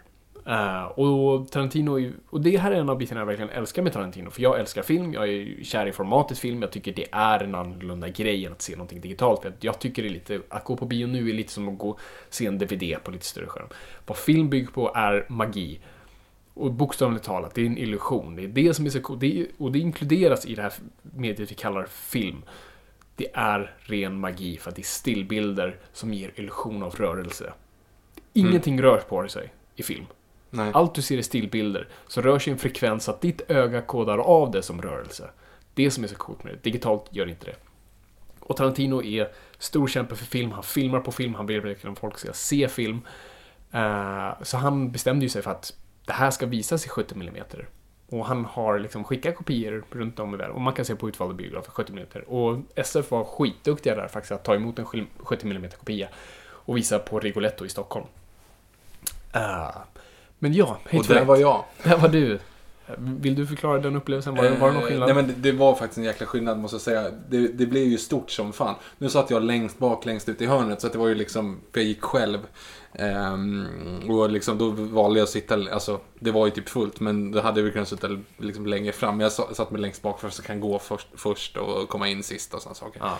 Eh, men alltså det, det är ju en jäkla maffig grej alltså. för Det, är- det är ju väldigt, väldigt stort. Och sen så blir det ju just den här bred, det breda av det. Som att man sett Ben Hur på TV i efterhand. Och då är det liksom så här, du måste ju typ, alltså du blir jättearg för du ser ju ingenting. För att gubbarna är så små liksom. Men nu, det, det vart verkligen coolt. På tal om Ben Hur så var det troligtvis de här kamerorna som användes i, i Ben Hur. det var det. är Det så var det. Det var det. det är Ja. alltså, de här har inte använts på hur länge som helst. Nej men det, det är jag ju tror den senast använde The, Ma- The Master som då Paul Thomas Anderson gjorde, använde de här kamerorna. Mm. Så det är väldigt ovanligt att man gör det. IMAX är 70 mm också, men det är på det, filmas vertikalt istället för uh, lodrätt. Ehm, Ja, hur som helst. Uh, ska vi göra så? Lodrätt och vertikalt är samma sak. Är det? Mm. Tänk vertical limit som med Isabella Scorupco. Det är rakt ner. Just det. Vad är, vad är? Horisontellt. Horisontellt, tack. Mm. Ehm, ja, ska vi göra som vi alltid gör, en, en liten ljudreaktion på tre? Eh, ja. Mm. Om du ska springa upp igen. Nej, jag ska, som inte springa, jag, ska inte springa, jag ska inte springa upp. Okej, på Eh, tre då? Eller vill du köra på åtta för det är åttonde filmen av Quentin Tarantino? Nej, du kan, du kan köra på tre. Okej, då räknar jag till tre. Ett, Ett, två, Tre. Jag vet inte. Nej. Okej, det känns som vi är ganska... Nej, nej, vi är inte lika. Utan, för, grejen är så här. Jag vet inte på ett positivt sätt. Okej. Men dra dig, dra dig först. Alltså, den här filmen är väldigt diffus för mig för att Alltså än en gång, varje gång jag går och ser en Tarantino-film, jag vill älska film för jag är ett fan av Quentin Tarantino så jag går inte in med en negativ bild utan jag går in och bara överraska mig nu, ge mig någonting bra liksom. Jag är, har ett öppet sinne, bara ge mig någonting. Och från första scenen, alltså med den här bilden på korset och du har Ennio Morricones fantastiska musik och det är en positiv grej att han har skrivit originalmusik och det är skitbra. Bara jättefin bild, cool bild som verkar, det här, shit, det här verkar säga någonting om vad den här filmen ska vara. Och det börjar bra, liksom coolt. Och det börjar liksom ganska lovande. Och sen kom vi in i stugan. Och det blir massa prat om ingenting för är tre timmar långt och vem bara... Hur, nej, jag vet, det är på to- för det första, det är på tok för långt. Det är tre timmar. Det är, det, man får inte göra filmer så långt. Liksom, Säg det till Peter Jackson. Ja, jo men precis. Men han ändå hade drakar och demoner och allt annat. Ehm, här har du liksom massa snubbar i, liksom, på ett ställe, som Reservoir Dogs, men Reservoir Dogs är, jag vet inte, en och en halv, två timmar. Den är en och en halv. En och trettio till med. Eh, Nästan precis. Precis. Men den här är tre timmar. Och det här är det som stör mig. För det första, Tarantino säger att det här är en Agatha Christie mystery. Men han skriver inte manus som man ska skriva. Oftast, du skriver alltså, mysterier baklänges. Så att du vet vad som har hänt och så blir. Men han har öppet beskrivit, det är inte så han har gjort det här, utan han skrev det. Och du märker det. För att det kommer ett mysterium liksom, sista tredjedelen av filmen. Eh, och han bestämmer, för att han har ju filmat den här liksom 70 mm och jag och det är ju det motsatta mot det klaustrofobiska. Men han har pratat om, och jag, och jag förstod också när jag såg det, okej, men vi ska se vart alla är hela tiden. Liksom, Det finns inga, ingen kan gömma sig för någon. Alla är totalt exponerade. Så ja, men det är coolt. Men sen när han väl vill sätta mysteriet, då väljer han att klippa bort från det och säga nu, nu, kolla här, kolla på den här scenen, nu ger jag er det här publiken. Och då, då på något sätt förråder han sig själv och sin egen premiss någonstans. Och det tycker jag känns i manuset hela tiden, att han på något sätt kommer på saker as they go along. Och han ger inte heller, alltså som är så klassisk Hitchcock, du måste ge liksom lite nuggets, alltså du måste ge lite små alltså, brödsmulor till din publik för att vi ska kunna antingen stå med karaktärerna över dem, alltså det är det här klassiska bomben under bordet konceptet. Liksom. Du vet att det är bomben under bordet, karaktärerna vet inte att det är bomben under bordet, men de pratar om annat. Och det är det definitionen av spänning. Men här känns det som att han väljer sina små bi- bitar, han väljer att ge publiken, han väljer att ge karaktärerna. Och jag känner mig inte nervös alls. För det första bryr jag inte mig om någon. Alla är ju ganska avskyvärda karaktärer, vilket är klassisk Tarantino, men även de avskyvärda karaktärerna brukar ha sympati. Liksom. Vincent Vega är liksom en drogmissbrukande mördare, men jag gillar honom. Du, du, ja, Jag gillar inte någon, ja kanske Samuel Jacksons karaktär en stund och sen bara, äh, nej han var inte så intressant. Och um, Kurt Russell, skitbra skådis, gillar honom men nej, han är ganska osympatisk. Alltså blir, jag bryr mig inte om någon, så jag bryr mig inte om så här, hur det här ska sluta. Så jag sitter egentligen bara och väntar ut tiden. Och sen mot slutet då, spoilers, Channing Tatum kommer in och bara, ah, men fuck you nu, la du placera den biten där som du inte ens har planterat, utan du bara, så nu vänder jag på den här filmen som jag vill och gör en liten surprise, men du kan inte göra någonting utan att ha byggt upp. Det är the, the, it's the anticipation, not the bang, som um, Hitchcock alltid sa.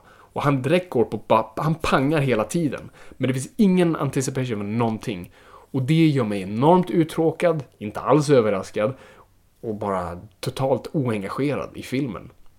Och all dialog säger ingenting. Han pratar om sig, oh men den är, det här är mest politiska. Ja visst, du pratar om liksom, ja, vita och svarta, det är lite tension där.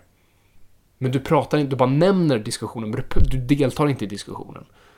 Och det är det som så, så det, var, det var min åsikt. Men jättesnyggt fotad, bra musik, jättebra skådisar. Känns dock som Tim Roth är typ Christoph Waltz.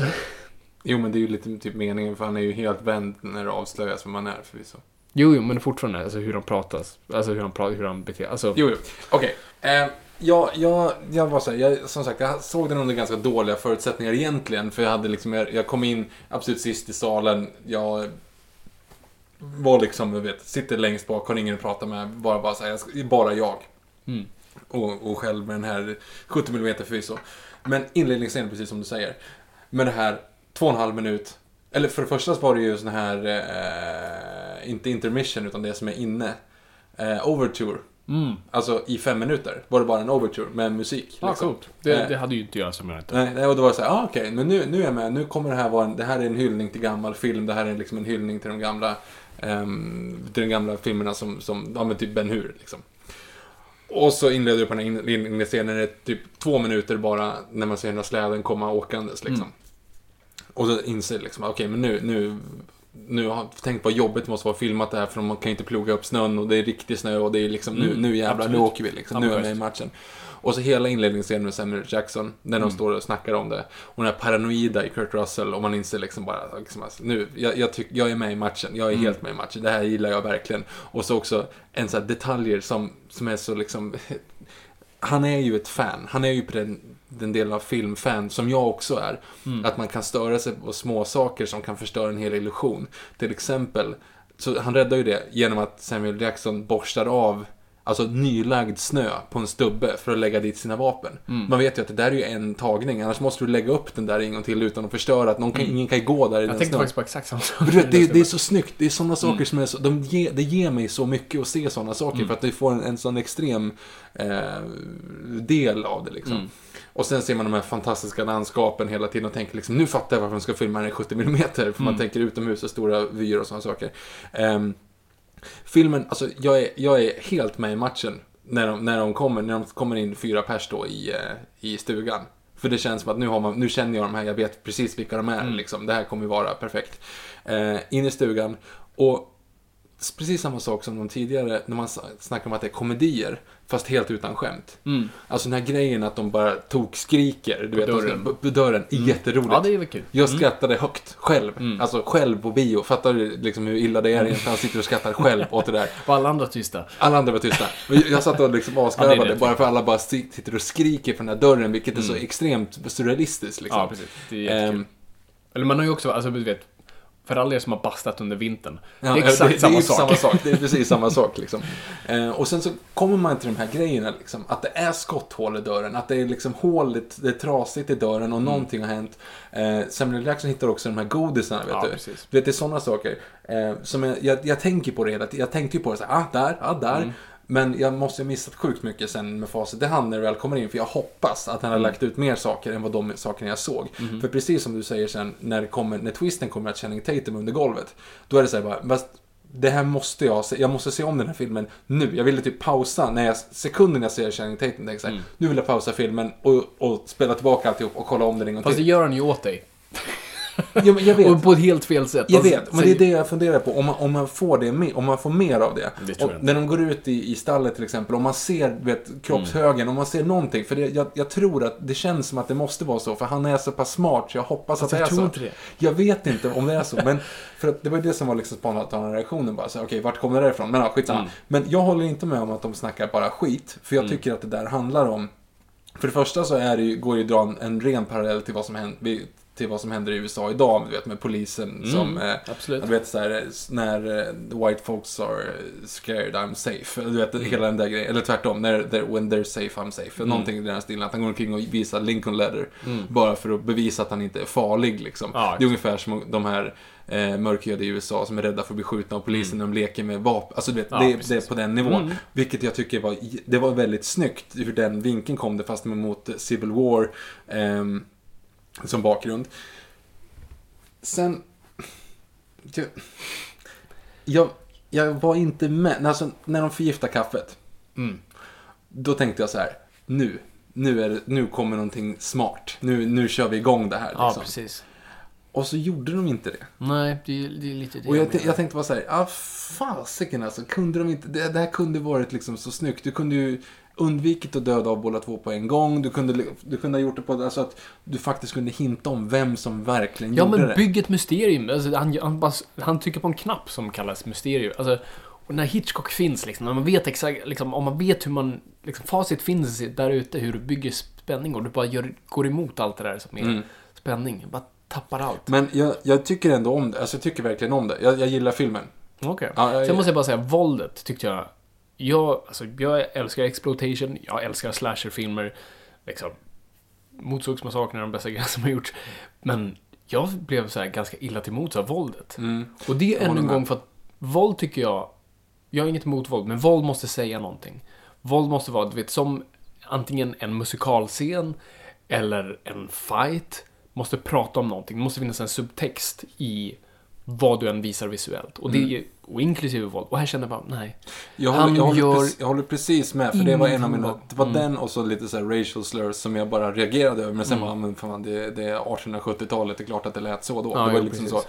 Men de två reagerar på. Och det är framförallt, det, jag köper inte det här att det ska vara så här, att han är sadomasochist och rasist. För det är inte det det handlar om, det är hans, det är hans karaktär som är Ja, det. ja, nej, men det köper jag absolut. Hela den grejen. Och sen samma sak att de säger att de, att de slår kvinnor hela tiden. Ja, Men, bara det- så här, men vänta, hon är typ ondast på hela stället. Alltså hon är ju en i gänget. Ja, och det är ju fortfarande snarare- det 1800-talet. Det var inte så... Nej, men alltså, och inte, ju- det, och, och inte ens det, utan det jag, men, det jag menar snarare, det är att, att det är coolt att de vågar göra åt det Ja, hållet. precis. Och de behandlar henne som vilken skurk som helst. Precis. Mm. Alltså hon är, hon är ju liksom typ det ondaste på planeten i hans ögon. Så att det spelar ingen roll om det är en man eller kvinna. Alltså, Mm, för precis. det, är ju- det är ju inga jämför, alltså inga skillnader i det i övrigt. Utan Mm. det är bara den grejen att hon är ond. Vilket jag tycker, jag köper inte alls de här som bara klagar på att det är kvinnoförnedrande. För det är det nej, fan nej. inte, det är tvärtom.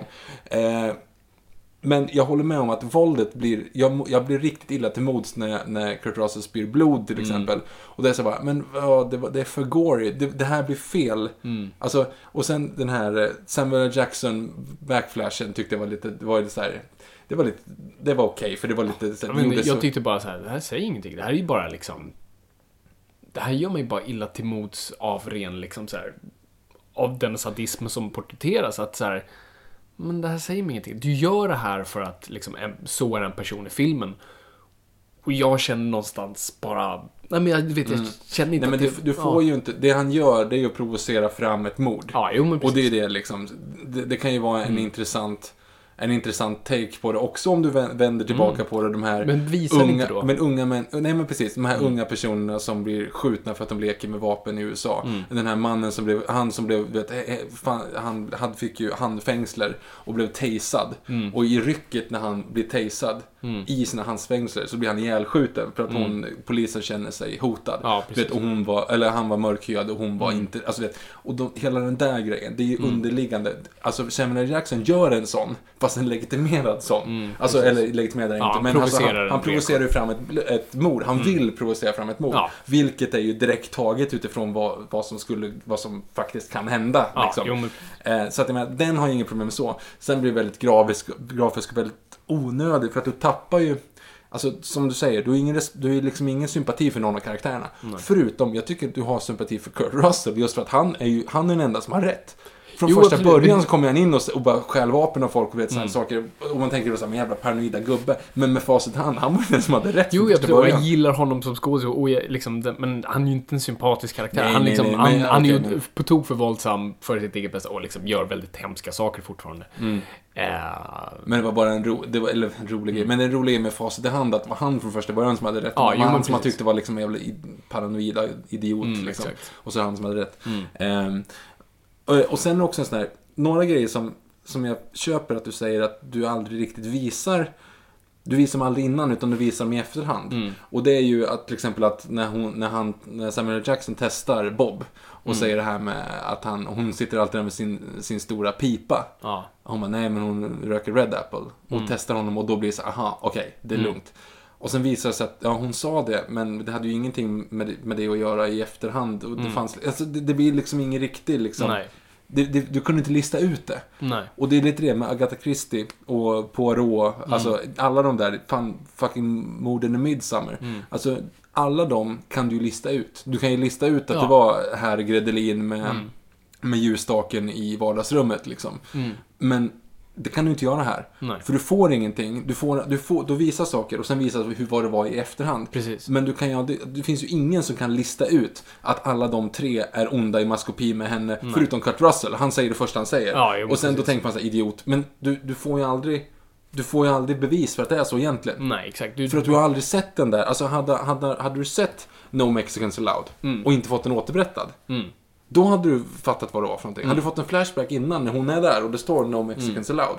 Då hade du liksom, då hade du kunnat tagit den. Men det får du ju inte för att du får det när, när facit kommer. Precis, och det är ju det. Tarantino kommer på alla de här grejerna i efterhand. Så att han gör ju det åt fel håll hela tiden. Så okej, just det, den här grejen. Okej, nu, ska jag- nu berättar jag för er allting som ni borde ha sett men inte fick se.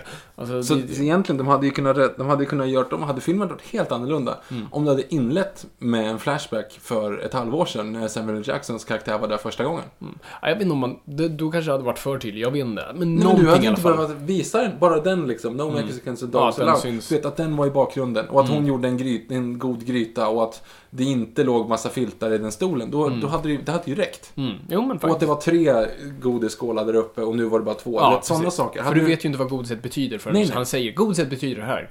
Precis. Det vet ni. Så att, Precis. Nej, precis. Så att det är sådana saker, då hade du kunnat lista ut det själv. Då hade det varit någonting. Men nu får du allting i efterhand. Men återigen, jag, jag, när jag gick ut från bion igår så var jag så här, det, var, en- det var en till... Eller det var, det var inte lika illa som Django, men jag hade hoppats på mer. Och sen så gick jag och la mig och så funderade jag på den. Så vaknade jag innan klockan ringde i morse och funderade på den. Ja, det... Sen åkte jag på väg till jobbet och funderade på den. Och sen satt på lunchen och insåg att fan, jag gillade den här rätt mycket. Oj. Ja, Så men... det, det, den växte jättekonstigt när jag bara tänkte tillbaka på. För att det är ju en Reservoir Dogs. Jo men det är det ju. Bara, bara sämre pacad och sämre på alla sätt och vis. Alltså absolut, jag tycker den är bättre än, än, än Django och den har absolut mm, alltså, bra grejer i den. Men oftast, de bra grejerna du har beskrivit hittills har varit så här, mycket om yta och det är grejer jag håller med om. Så här, ja, det, det här är snyggt och det där ser bra ut och hon är bra. Alltså du vet, men jag tycker manuset är helt rakt upp och ner. Ehm, ja, nej, jag, jag har inte stannat med, för jag tänkte ändå så här, när jag gick och såg den så bara, fan att jag inte ser den här 70 mm. Ja, jag ser den här nu så att jag bara, inför den här podden. Eh, och så går jag och ser den i 70 mm sen. Och, och jag som verkligen älskar film, vill se allt i film. Till och med det kunde inte locka mig att se den igen. För då, för jag blev såhär, nej jag kan inte sitta tre timmar igen, jag klarar inte av det. Jag tyckte ju att det gick väldigt fort. Nej, jag tyckte inte det. Jag, jag tyckte det, när, när giftet bara, fan, hur långt jag har suttit här egentligen? Nej, jag vet inte. Jag, jag, jag var inte lika exalterad som du. Det är en film jag absolut kan tänka mig att se om, till skillnad från Django. Uh, och bara liksom, bara se hur, hur jag känner då. Men ja, inte just nu. Men alltså jag hoppas ju verkligen på, när jag ser om den här. Mm. Då vill jag att, att, jag vill ju att han ska ha utnyttjat 70 mm som han skulle kunna gjort. Alltså det här som du sa. Mm. Man ser vad som händer i bakgrunden, vissa karaktärer, hur de reagerar och sådana saker. För du ser ju jättemycket i bakgrunden. Det är ju väldigt mycket sånt Ja, hela tiden. allt. Eftersom den är så pass stor. Och tänk om det är så att du kan, precis som jag beskrev, att du kan Mm. lista ut det. Utan att, utan att veta om det när du ser det andra gången, när du vet var den är på väg att Mm. gå. Att det hade varit en sån då, då, hade ju, då blir jag ju jätteglad. Sen tror jag inte att det är så. Men tänk om det finns sådana saker som man har missat. Att det är liksom att de missat, de snackar ju så mycket så att man liksom tappar ju det liksom. Mm. Nej, det, jag gillar det. Mm, ja, ja, ja, det är helt okej. det är helt okej. Ehm, ja, ska, ska vi gå på... Vi hade några frågor. Yes, vi fick några frågor. Eh, vi har fått, här ska vi se. Eh, från Ashkan här. Mhm. Eh, är det bara jag eller Jackie Brown Tarantinos bästa och mest underskattade film? Eh, vi håller med dig, ja. Inte Jag om det tycker inte att det är den bästa. Det är, men... det är min näst bästa. Jag tror Pulp Fiction fortfarande alltid kommer vara där uppe. Mm. Men absolut, det är min näst bästa favorit. Helt klart. Mm. Eh, och det som Tarantino sa, då tycker inte du om Tarantino, så Ashkan. Ehm, och Marcus Willershausen. Eh, bästa karaktären, bästa sekvensen, bästa scenen och så vidare. Eh, har ni, och by the way, har ni sett hans första film? Jag har inte sett Best Friends eh, Birthday. Jag såg, jag har sett jättelänge sedan. Mm, ja. Men jag kommer knappt ihåg. Okej, ja men då sånt där. Men har du någon så här bästa karaktären, bästa sekvensen, bästa scenen grejer liksom? Oj, bra fråga. Um, bästa karaktär är, alltså min favoritkaraktär är Jackie Brown, för det är den karaktär jag bryr mig mest om. Mm. Eh, så, så henne tycker jag med, um, absolut om. Sen är frågan om bästa sekvensen är The Heisten. Uh, men, nej, bästa sekvensen måste ju någonstans vara i, i Pulp Fiction. Jag måste bara komma på vilken av alla. Um, gud, då måste jag tänka. Men jag, jag tror min favoritsekvens är Mr. Wolf. Sekvensen. Jag tycker den är är fantastisk. Ja, den, den gillar jag verkligen också. Men frågan är ändå om det är... Um, Amin, Amin har ju egentligen redan sagt, det är ju inledningsscenen, alltså Inglorious, som är liksom helt, helt fantastisk. Eh, och sen så är frågan om det är liksom, alltså karaktären Vincent Vega också, om man ska dra igenom den. Ja, men det, det känns mest... Du, Och om man bara, har, man bara har den här grejen att när hon drar skämtet. Mm. Alltså just den skådespeleriet också av, av ehm, Travolta. Travolta efter allt det här. Han bara står och håller sig för, hjär- för hjärtat och hon drar den här... Eh, Catch up. Ja, catch up.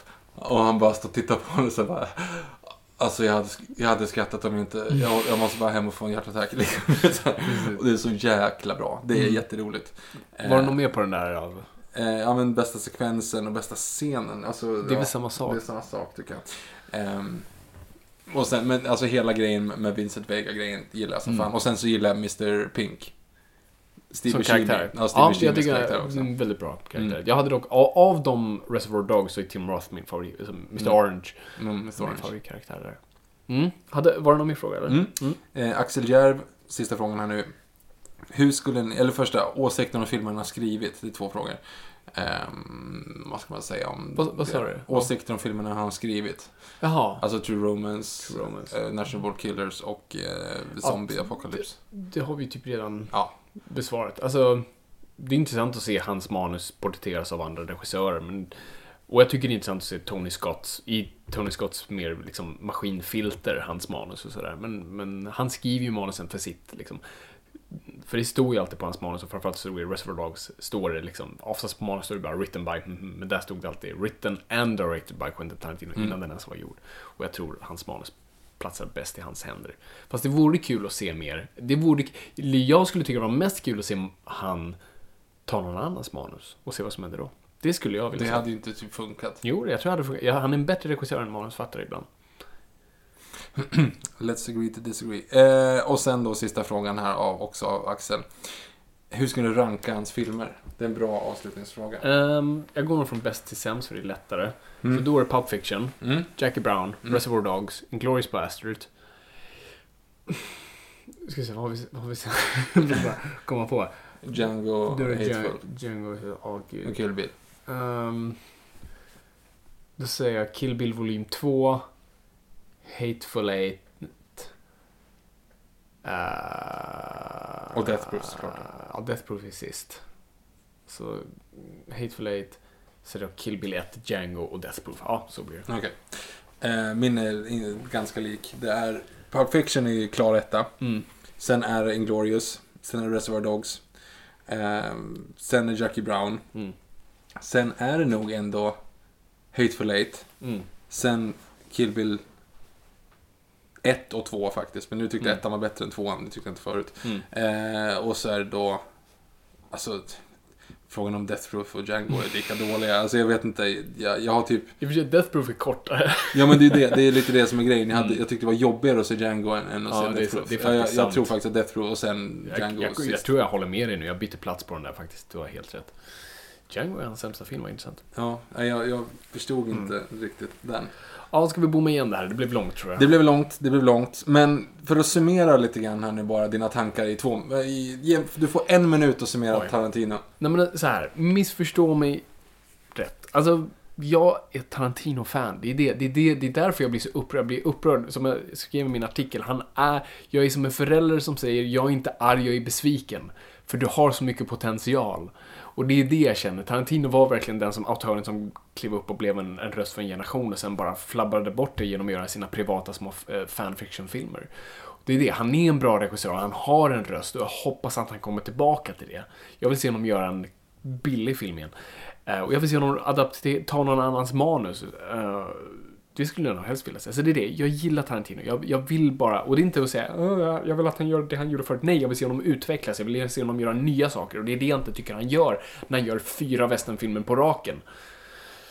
Som är exploitationfilmer. Så det är det. Jag vill liksom, jag vill se honom växa. Victor?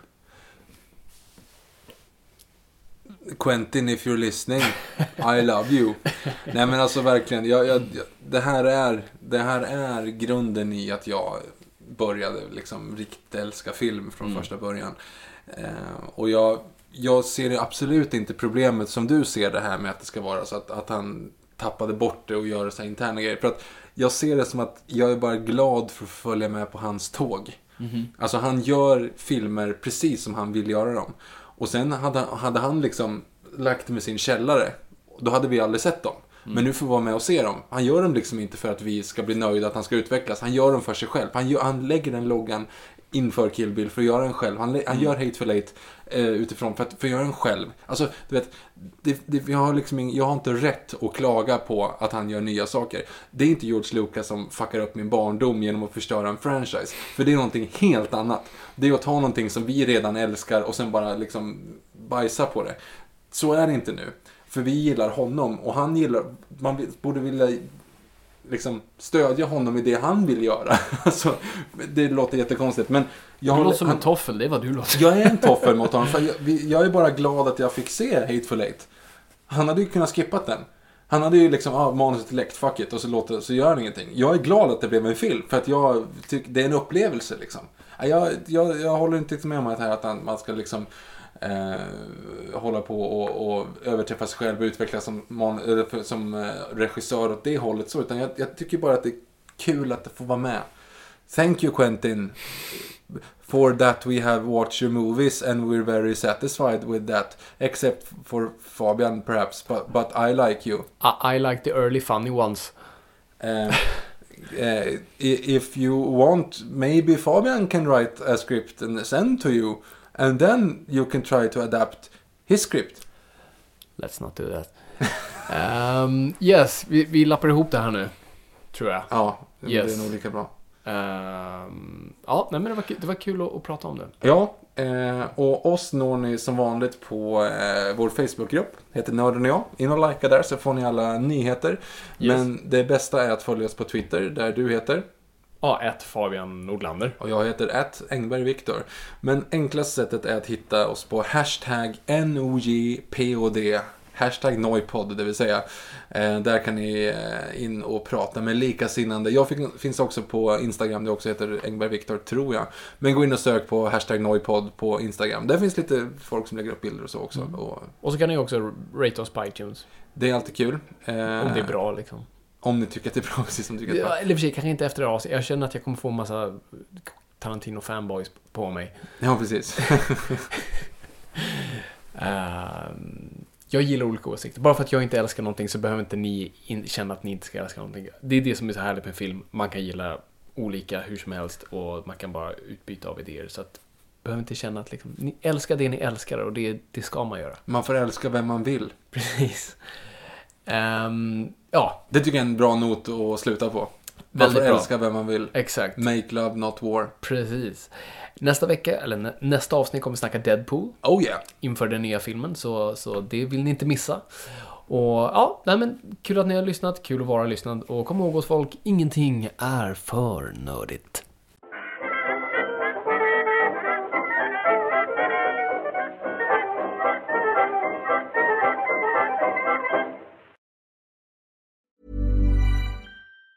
Planning for your next trip? Elevate your travel style with Quince. Quince has all the jet setting essentials you'll want for your next getaway, like European linen, premium luggage options, buttery soft Italian leather bags, and so much more. And it's all priced at 50 to 80% less than similar brands. Plus, Quince only works with factories that use safe and ethical manufacturing practices. Pack your bags with high-quality essentials you'll be wearing for vacations to come with Quince. Go to quince.com slash trip for free shipping and 365-day returns. Hi, I'm Daniel, founder of Pretty Litter. Did you know cats tend to hide symptoms of sickness and pain? I learned this the hard way after losing my cat, Gingy. So I created Pretty Litter, a health monitoring litter that helps detect early signs of illness by changing colors, saving you money and potentially your cat's life. Pretty Litter is veterinarian developed, and it's the easiest way to keep tabs on your fur baby's health right at home. Go to prettylitter.com and use code ACAST for 20% off your first order and a free cat toy. Terms and conditions apply. See site for details.